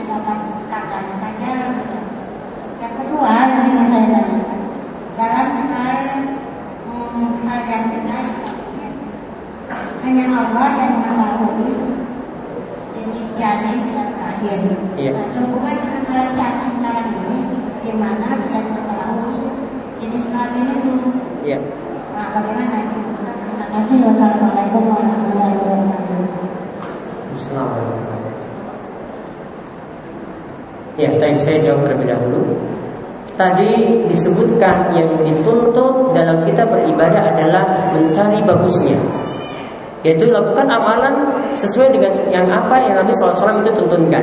Kita kejar banyaknya. Nah, kalau tadi ditanya disebutkan bahwasanya kan balasannya besar. Itu kalau kita menjaga 12 sholat sunnah rawatib dalam sehari, termasuk juga di sini berarti di dalamnya ada sholat sunnah qobliyah subuh atau sholat sunnah fajar. Kan balasannya akan dibangunkan rumah di surga. Kok bisa cuma dengan amalan yang ringkas seperti ini, ya bisa mendapatkan pahala yang besar seperti itu. Nah itulah ya eh, amalan yang sedikit kadang bisa memperoleh pahala yang besar. Ya, amalan yang sedikit itu kadang bisa memperoleh pahala yang besar. Itu karena rahmat dan kasih sayang Allah Subhanahu wa taala. Ya. Nanti ada sebuah buku yang saya pernah lihat ini Ustaz Baju Salam yang tulis. Beliau menyebutkan amalan yang ringan yang berpahala besar. Judulnya sekitar itu. Nanti ibu silakan lihat. Di situ disebutkan amalan-amalan yang ringan seperti ini, seperti sholat sunnah fajar ini, namun pahalanya besar. Sampai di sini bisa mendapatkan rumah di surga. Jadi ada sebagian amalan seperti itu yang pahalanya besar seperti itu dan ini mutlak atau murni kasih sayang Allah Subhanahu wa taala yang diberikan kepada kita. Kemudian yang kedua tadi bagaimanakah jenis janin? Bukankah sekarang dengan alat-alat canggih kan bisa dideteksi ini jenis kelaminnya laki-laki. Ini jenis kelaminnya itu perempuan. Dengan alat-alat canggih yang ada, belum sepenuhnya itu bisa mendeteksi secara total. Itu baru satu yang dia deteksi, yaitu jenis kelamin, karena melihat dari bentuk tubuhnya atau bentuk fisiknya. Namun coba lihat bagaimana panjang persisnya itu seperti apa. Bentuknya mukanya itu seperti apa, rambutnya itu lebat ataukah tidak. Ya, dan rincian tubuh yang lainnya tidak bisa ditentukan. Maka bentuk yang lainnya itu masih sifatnya nisbi.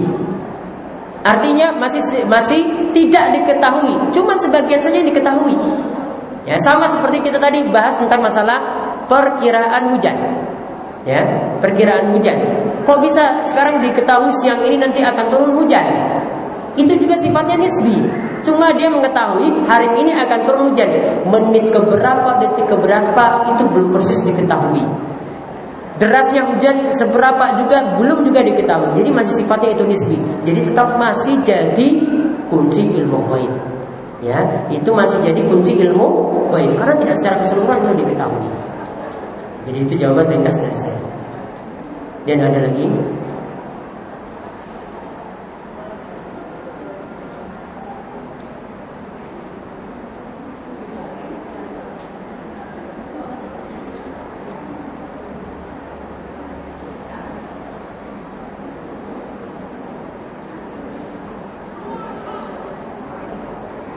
Ya. Yang penting suaranya sampai. Waalaikumsalam warahmatullahi wabarakatuh.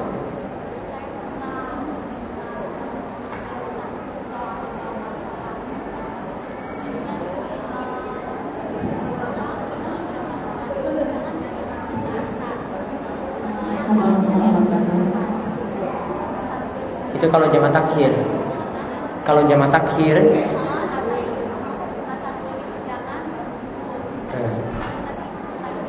Ya. Sesuai waktunya. Baik, tentang masalah urutan untuk jamak tadi memang para ulama berselisih pendapat. Ya, ada yang tetap memprioritaskan itu bukan syarat. Jadi ada yang menyatakan ya saat kita jamak takhir yaitu tadi mengerjakan zuhur dan asar di waktu asar tetap dibolehkan untuk asar lebih dahulu baru zuhur. Ya, tetap dibolehkan asar dulu baru zuhur. Namun, ya, menurut pendapat yang lainnya tetap mengatakan zuhur dulu baru asar. Karena mereka memperhatikan waktu sholat. Ya waktu sholat urutannya seperti apa? Dan kita diperintahkan Hafizu ala sholawati wa sholatil wusta Itu Allah perintahkan Jagalah sholat. Yaitu sholat yang lima waktu. Berarti kalau sholat lima waktu yang dijaga Berarti urutannya itu ada. Ya, barulah perhatikan sholat wusta dan yang dimaksudkan sholat wusta di sini adalah sholat asar. Jadi sampai-sampai sebagian ulama itu berikan syarat, ya seperti saya sebutkan di sini ada fatwa yang menyebutkan bahwasanya kalau seandainya dia dahulukan asar dulu baru zuhur, maka dia harus mengulanginya. Ya, dia harus ulang lagi zuhur baru mengerjakan asar lagi. Kalau dia sudah tahu ilmunya, namun dia salah ketika itu, dia harus mengulanginya. Ya, namun sebagian ulama tetap uh, bersikeras, ya juga masih dibolehkan asar lebih dahulu. Namun Allah alam ini lebih selamat daripada pendapat tersebut. Yang memperhatikan waktu sholat tadi sesuai urutannya, ini lebih selamat daripada mendahulukan waktunya yaitu waktu asar baru sholat zuhur. Ada lagi yang lain? Ya. Waalaikumsalam warahmatullahi wabarakatuh. Ustaz tentang sholat itu apakah ditinjau dari jauh dekat yang jarak ya? Untuk kosong sholat. Ya, ya. sholat um, uh, apa? Dekat apa? Jarak yang dekat itu diperbolehkan untuk kosong atau bagaimana? Atau hanya jarak jauh saja? Ya. Kemudian yang kedua, uh, delapan pintu setelah nanti itu apa saja? Kalau dijelaskan. Baik, yang delapan pintu surga tadi saya belum belum bisa sebutkan nama-namanya. Di antara pintu surga di situ ada pintu Ar-Royan, yaitu pintu bagi orang yang berpuasa. Dan ada nama-nama pintu surga yang lainnya. Ini ada butuh perincian, saya belum bisa menyebutkannya karena saya harus menyebutkan dengan dalil ya biar bisa mengetahui delapan pintu surga tersebut. Mungkin atau pembicara, ada pembicara yang lain bisa menyebutkan delapan pintu surga tadi. Kemudian tadi yang maaf tadi yang pertama tadi tentang kosor sholat ya jaraknya berapa jauh baru disebut kosor atau baru boleh kita mengkosor sholat. Maka tadi saya sebutkan kalau kita bersafar baru sudah disebut mengkosor sholat. Nah sekarang kapan kita disebut bersafar? Nah sini para ulama berselisih pendapat tentang penentuan jaraknya. Ada yang menetapkan perjalanan tiga hari tiga malam dan ada yang menetapkan seperti pendapat dari mayoritas ulama berpendapat kalau telah menempuh jarak 85 kilo. Namun ingat ini, ini ketika sudah keluar kota. Kalau masih di dalam kota muter-muter sampai 100 kilo pun tidak boleh untuk mengkosor sholat. Ini ketika sudah keluar kota. Ya, Kemudian uh, pendapat yang lainnya yang menyatakan bahwasanya kosor sholat itu ada ketika safar itu dilakukan dan yang menganggap safar itu adalah masyarakat di situ. Jadi kalau masyarakat menganggap kalau pergi misalnya ya dari Jogja ke Solo, dari Jogja ke Solo itu sudah disebut safar, maka boleh melakukan safar ketika itu. Ya, walaupun mungkin jaraknya belum sampai 85 kilo. Ya, jadi di sini intinya per, uh, untuk penentuan jaraknya yang pertama bisa dilihat dari urf. Kebiasaan masyarakat mereka menganggapnya safar itu kapan? Apakah dari Jakarta sini pergi ke Bandung itu sudah disebut safar? Kalau sudah disebut safar maka boleh mengkosor sholat ketika itu. Ya, kalau kita sulit untuk menentukan maka pakai jarak 85 kilo. Ya, ini sudah jaraknya 85 kilo atau belum? Ini kita mau pergi ke daerah lain ini loh. Ini sudah jaraknya 85 kilo atau belum? Kalau sudah, maka ketika itu ya boleh mengkosor sholat. Bagaimana jika kita mengucapkan atau meyakini jika hujan bisa membuat flu atau demam? Meyakini seperti ini dibolehkan, ya. Namun bukan keyakinan kita hujan yang datangkan flu. Bukan keyakinan kita hujan yang datangkan demam. Namun ini cuma jadi sebab. Karena kalau kena hujan terus menerus bisa flu, ya. Karena kalau kena hujan terus menerus bisa demam. Namun tetap yang kita yakini adalah Allah yang mendatangkan penyakit, Allah yang mendatangkan flu, Allah yang mendatangkan demam. Ini yang harus diyakini, ya. Jadi tidak boleh secara mutlak cuma dikatakan, ya, hujan ini datang, uh, uh, flu ini ada, ini karena hujan, hujan yang menyebabkan saya itu flu. Tidak boleh. Harus tetap dia nyatakan bahwasanya Allah yang datangkan penyakit ini gara-gara ada sebab yang dia lakukan, yaitu ketika itu hujan-hujanan misalnya. Kemudian jika jamak dan kosong dalam safar boleh dikerjakan sampai berapa hari Ustaz? Apakah ada batasan? Jumur atau mayoritas ulama itu mengatakan batasannya sampai tiga hari tiga malam. Namun Syekhul Islam Taimiyah tidak memberikan batasan pokoknya masih disebut safar maka ketika itu boleh untuk mengkosor dan menjamak sholat meskipun lebih dari satu minggu. Namun kalau mau ambil amannya lebih bagus untuk memilih tiga hari tiga malam kalau kita itu bersafar selama itu maka boleh kita menjamak dan mengkosor sholat. Kalau sudah lebih dari tiga hari itu biasanya sudah disebut bukan bersafar lagi, namun sudah menetap di situ untuk sementara waktu.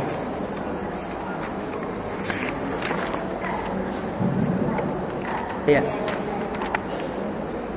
Uh, tadi hal yang di akhir tadi ketika hujan uh, hujan deras tiba maka Rasulullah SAW memberikan rukhsah uh, kepada umatnya ya waktu zaman Rasulullah bahwa boleh uh, sholat di rumah satu kemudian yang kedua boleh memposor eh, boleh menjabat menjabat sholat nah hukum ketika zaman Rasulullah kan kalau zaman zaman Rasulullah dulu kan kalau untuk berangkat ke masjid itu kan dengan tunggangan unta atau berjalan kaki menuju masjid. Ya kan ya. Kan kalau sekarang itu sudah tinggal sekali sahabat langsung gitu. Yang pertama. Yang kedua uh, untuk mengkosor atau menjaga sholat di rumah kita dalam keadaan aman insya Allah dan hujan pun juga tidak akan tidak sederas dan sedahsyat zaman Rasulullah dulu. Nah, apakah itu hukum berlaku pada zaman Rasulullah atau kan sampai sekarang ini? Gitu. Yang kedua itu untuk keadaan aman. Ya, kan hujan biasanya udah nah. hujan kan tadi uh, boleh berjamaah sholat iya. ya ketika hujan tiba seperti itu. Apakah itu berlaku uh, zaman Rasulullah atau hari sekarang? Karena pernah ya dulu saya bertanya uh, kepada Ustaz uh, ketika Rasulullah menyimpan pelepas kurma di atas kuburan yang di, yang mana di dalamnya ada uh, yang sedang disiksa. Kemudian Rasulullah mendoakan sambil menyimpan pelepas kurma. Kemudian di zaman sekarang kan mungkin bisa dengan uh, daun atau apa pun juga menyimpan di situ dengan membacakan doa. Yeah. Kan kalau waktu zaman Rasulullah selama melepas kurma itu masih basah dan tidak kering, maka doanya akan tetap mengalir begitu saja. Nah, itu ternyata hanya untuk Rasulullah saja. Yeah. Gitu kan tidak tidak bisa untuk umatnya. Nah itu Ustaz terima kasih. Assalamualaikum warahmatullahi wabarakatuh. Yang pertama tentang standar hujan yang boleh kita menjamak atau boleh tidak pergi ke masjid ketika itu. Kalau sekarang kan mudah, bisa pakai payung sampai ke masjid, bisa pakai mobil sampai ke masjid, tidak akan terguyur hujan. Maka di sini ya sekaligus ini juga untuk pertanyaan kedua yang namanya keringanan tadi. Ini juga berlaku untuk kosor sholat. Ya, meskipun kita pakai pesawat dan begitu perjalanannya itu begitu begitu mudah, tetap keringanan yang dulu itu ada saat ini tetap berlaku. Ya, keringanan yang dulu itu ada sekarang tetap berlaku.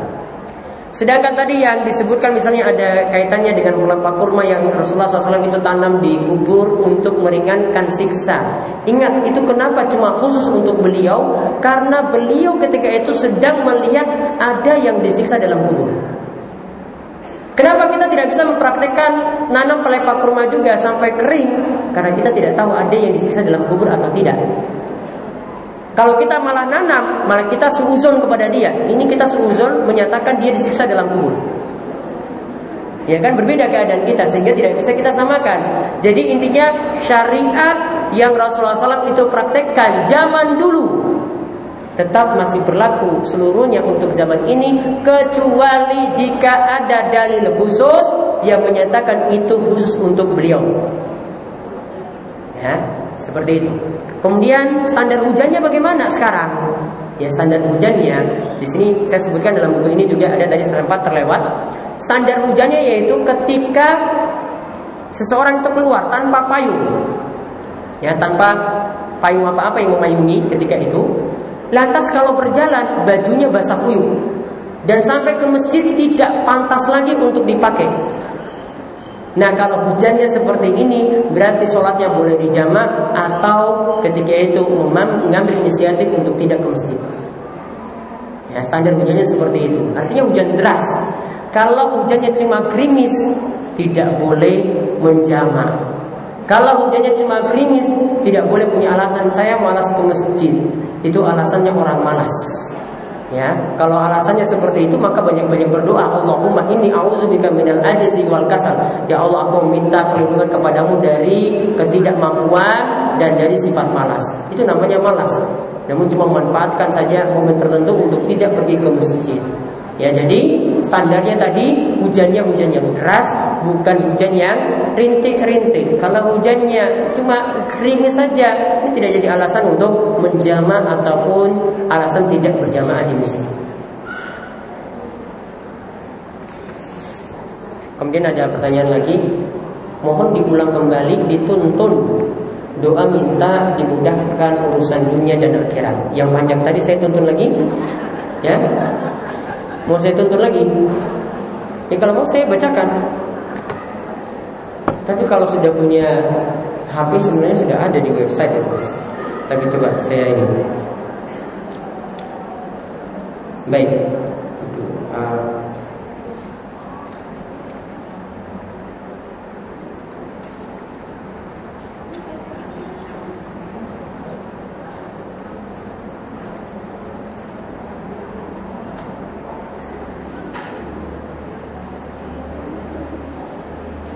di kalau di website saya beri judul doa untuk memperbaiki urusan agama dan dunia. Silahkan bisa dicatat pelan-pelan saya tuntun. Allahumma Allahumma aslih Allahumma aslih saya sebutkan sesuai dengan makhraj ya makanya ini makhraj itu kan ada yang tidak ada dalam bahasa kita jadi nanti disesuaikan saja cara penulisannya. Shot. Allahumma aslih. Aslih li. Allahumma aslih li. Dinil ladzi.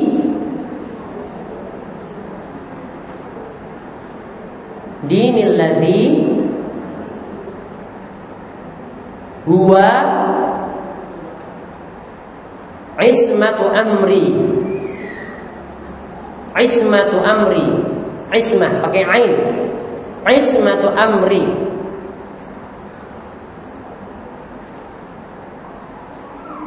Saya ulang. Allahumma asli li dunya dinil ladzi. Allahumma asli li dinil ladzi huwa ismatu amri. Lanjutannya wa aslih li. Wa aslih li.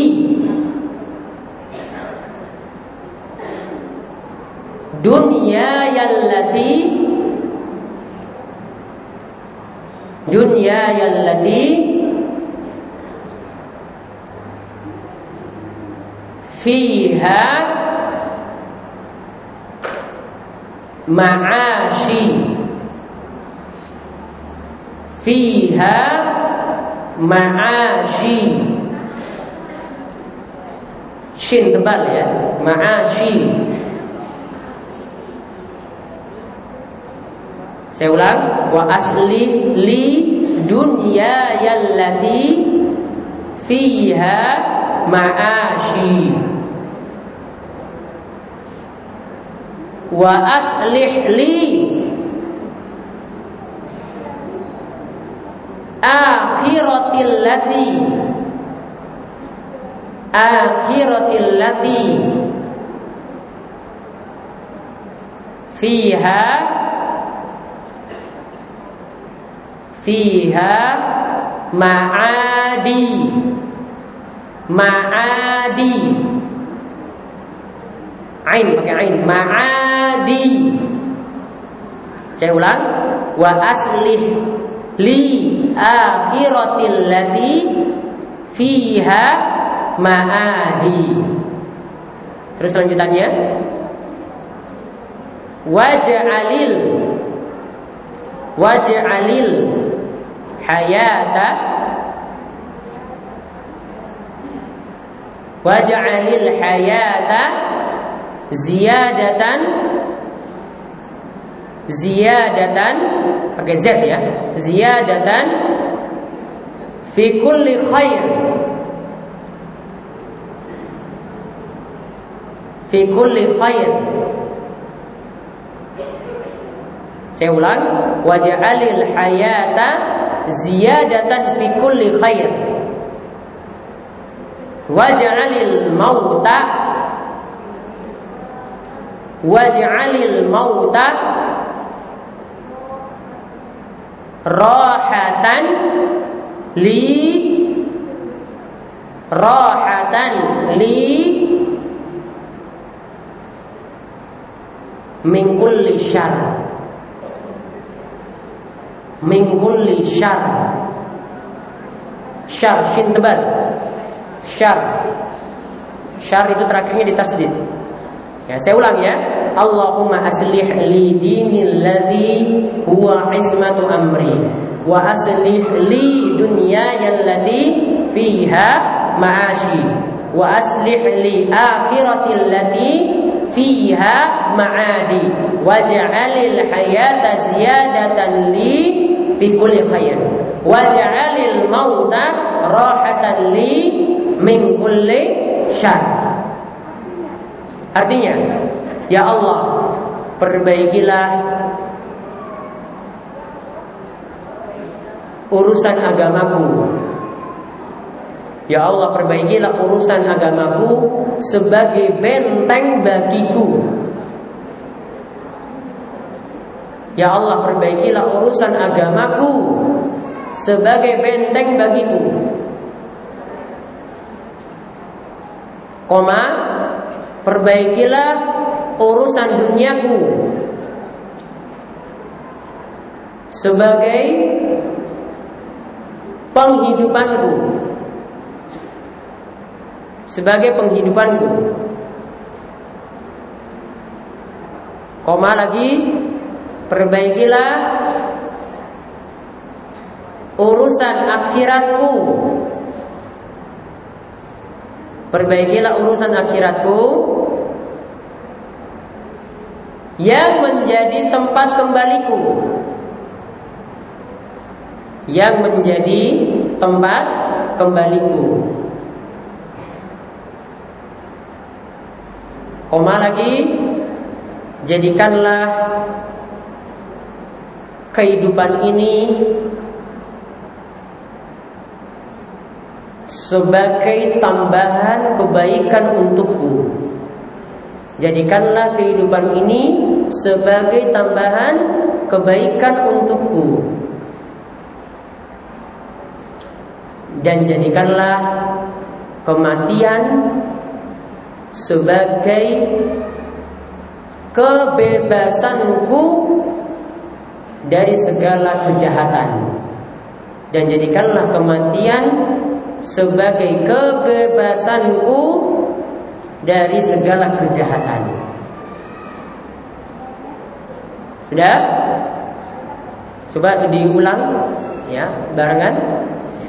Allahumma aslih li dinil ladzi huwa ismatu amri wa aslih li dunyaya allati fiha ma'ashi wa aslih li akhirati allati fiha ma'adi waj'alil hayata ziyadatan li fi kulli khair. Waj'alil mauta rahatan li min kulli syar. Yang doa tadi agar terbebas dari utang sepenuh gunung sudah tadi ya. Allahumma kfini bihalalika an haramik wa aghnini bifadlika amman siwa.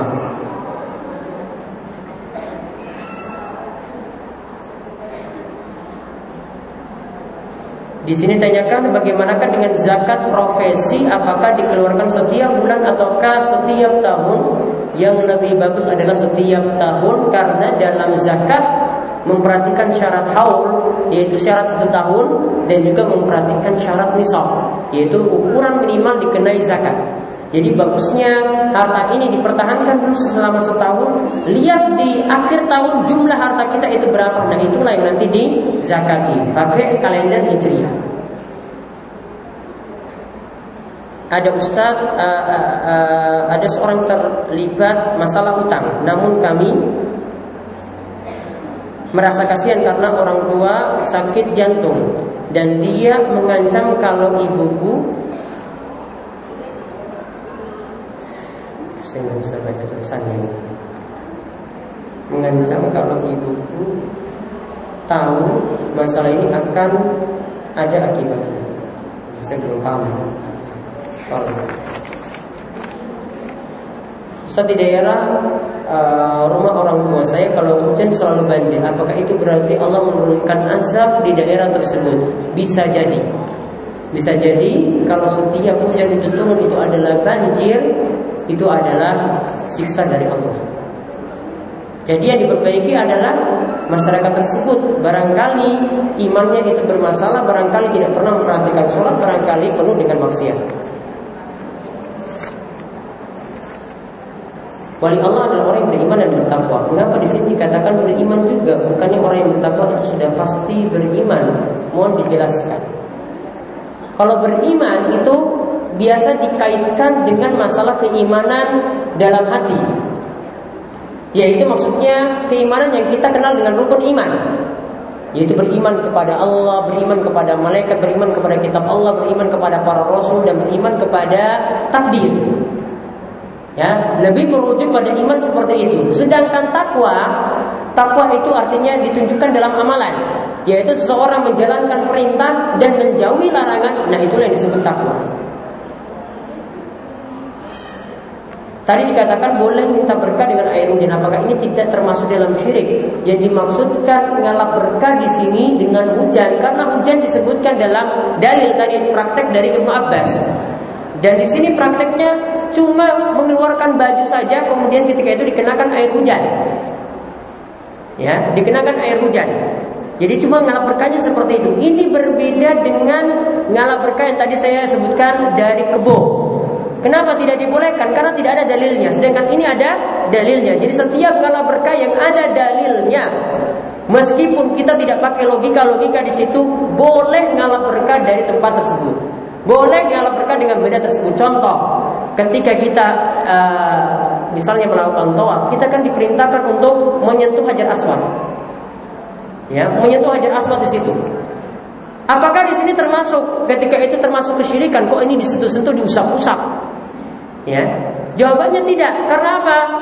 Ada tuntunannya dari Nabi SAW Makanya Umar itu mengatakan kepada Hajar Aswad Kamu itu hanyalah batu Seandainya Rasulullah SAW tidak menciummu Maka aku tidak akan menciummu Berarti melakukannya karena ada dalil Berarti kalau tidak ada dalil Tidak boleh dilakukan Ya, sehingga tadi itu merupakan sebagai bantahan juga kepada orang yang ngalah dengan sesuatu yang tidak ada tuntunan. Misalnya, ada yang sengaja ya buat penuh makanan kemudian disajikan pada pak kiainya.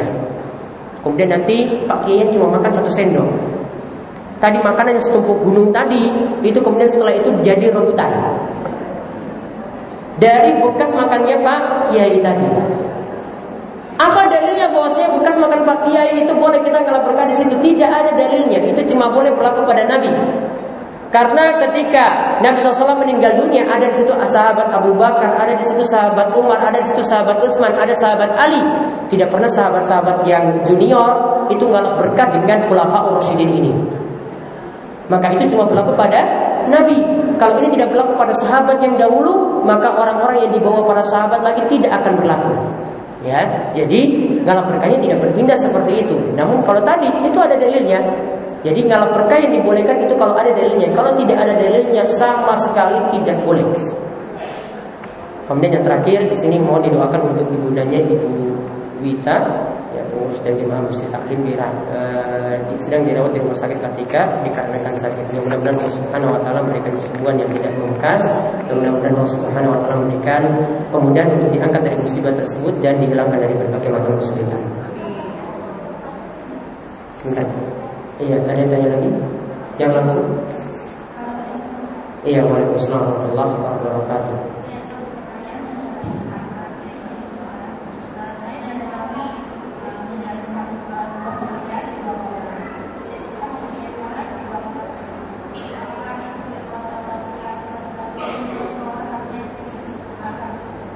Uh, coba diulang pertanyaannya pelan-pelan uh, agak didekatkan mic-nya coba. Uh, jadi begini Ustaz, saya dan suami menjalani pekerjaan di luar kota, lalu kami mempunyai rumah di dua kota tersebut. Hmm. Apakah jika kami mengikuti salah satu kota tersebut, itu bisa dibilang apa? Uh. Kami mempunyai rumah juga di sana. Kota tersebut itu kira-kira jarak dari dari tempat ibu sekarang itu berapa kilo? Uh, di luar kota sudah di luar pulau ya itu. Berarti selama pergi ke sana itu bersabar. Kalau itu lebih dari tiga hari ya lebih dari tiga hari berarti baiknya tidak mengkosor sholat. Karena berarti kalau sudah lebih dari tiga hari menetap di sana lagi berarti sudah dianggap menetap atau mungkin. Ya nanti kalau balik ke sini lagi ya dia eh, niatannya niatannya itu menetap lebih dari tiga hari berarti sudah disebut mungkin lagi Ya. Jadi di sini dilihat kembali ke sana itu berapa hari setelah menetap di sana. Atau niatannya itu menetap ataukah cuma sekedar jalan-jalan. Kalau cuma sekedar jalan-jalan satu hari setelah itu balik lagi berarti itu safar. Namun kalau di situ eh, ya saya satu minggu atau dua minggu di sana ya berarti ketika itu sudah menetap tidak ada keringanan safar lagi. Ya, jadi dilihat keadaannya itu bagaimana. Kemudian sini ada pertanyaan terakhir. Ustaz tadi disebutkan sodako wajib menghidupi keluarga. Bagaimana kalau suami mengutamakan menafkahi ayah kandungnya Dan adik-adiknya daripada istrinya? Tetap yang jadi prioritas dalam masalah nafkah dari seorang suami adalah kepada istri dan anak-anaknya terlebih dahulu. Sebelum memberikan nafkah kepada ayah kandung maupun adik-adiknya ya. Nafkah ketika itu yang jadi prioritas adalah kepada istri dan anak. Ketika orang tua itu masih mampu untuk bekerja masih mampu untuk bekerja dan tidak ada kesulitan apa-apa ketika itu dan rezekinya masih mencukupi maka anak tidak punya kewajiban memberi nafkah. Namun kalau orang tua sudah sulit tidak mampu lagi untuk bekerja dan rezekinya pun tidak cukup maka ketika itu anak baru punya kewajiban memberi nafkah. Namun prioritas tetap dalam masalah yang wajib di sini istri dan anak terlebih dahulu baru kepada orang tua. Kalau istri dan anak sudah mencukupi baru dia beri beri kepada orang tua dan ya kepada saudara-saudara yang lainnya yang dia mesti menanggungnya. Allah alam Ini saja yang bisa kami sampaikan untuk pertemuan kali ini. Mudah-mudahan bermanfaat. Mudah-mudahan Allah Subhanahu Wa Taala memberkahi waktu kita dalam kebaikan, memberkahi umur kita juga dalam kebaikan dan diberi taufik untuk terus beramal soleh. Dan mudah-mudahan kita terus diberi keistiqomahan dalam melakukan kebaikan-kebaikan. Demikian yang kami sampaikan dan kami kembalikan kepada keluarga. Ustaz tadi mohon didoakan untuk ibunya ibu kita yang sedang dirawat di rumah sakit. Tadi sudah saya doakan Sudah tadi? Oh, sudah. Sudah. Ya, yang terima Allah,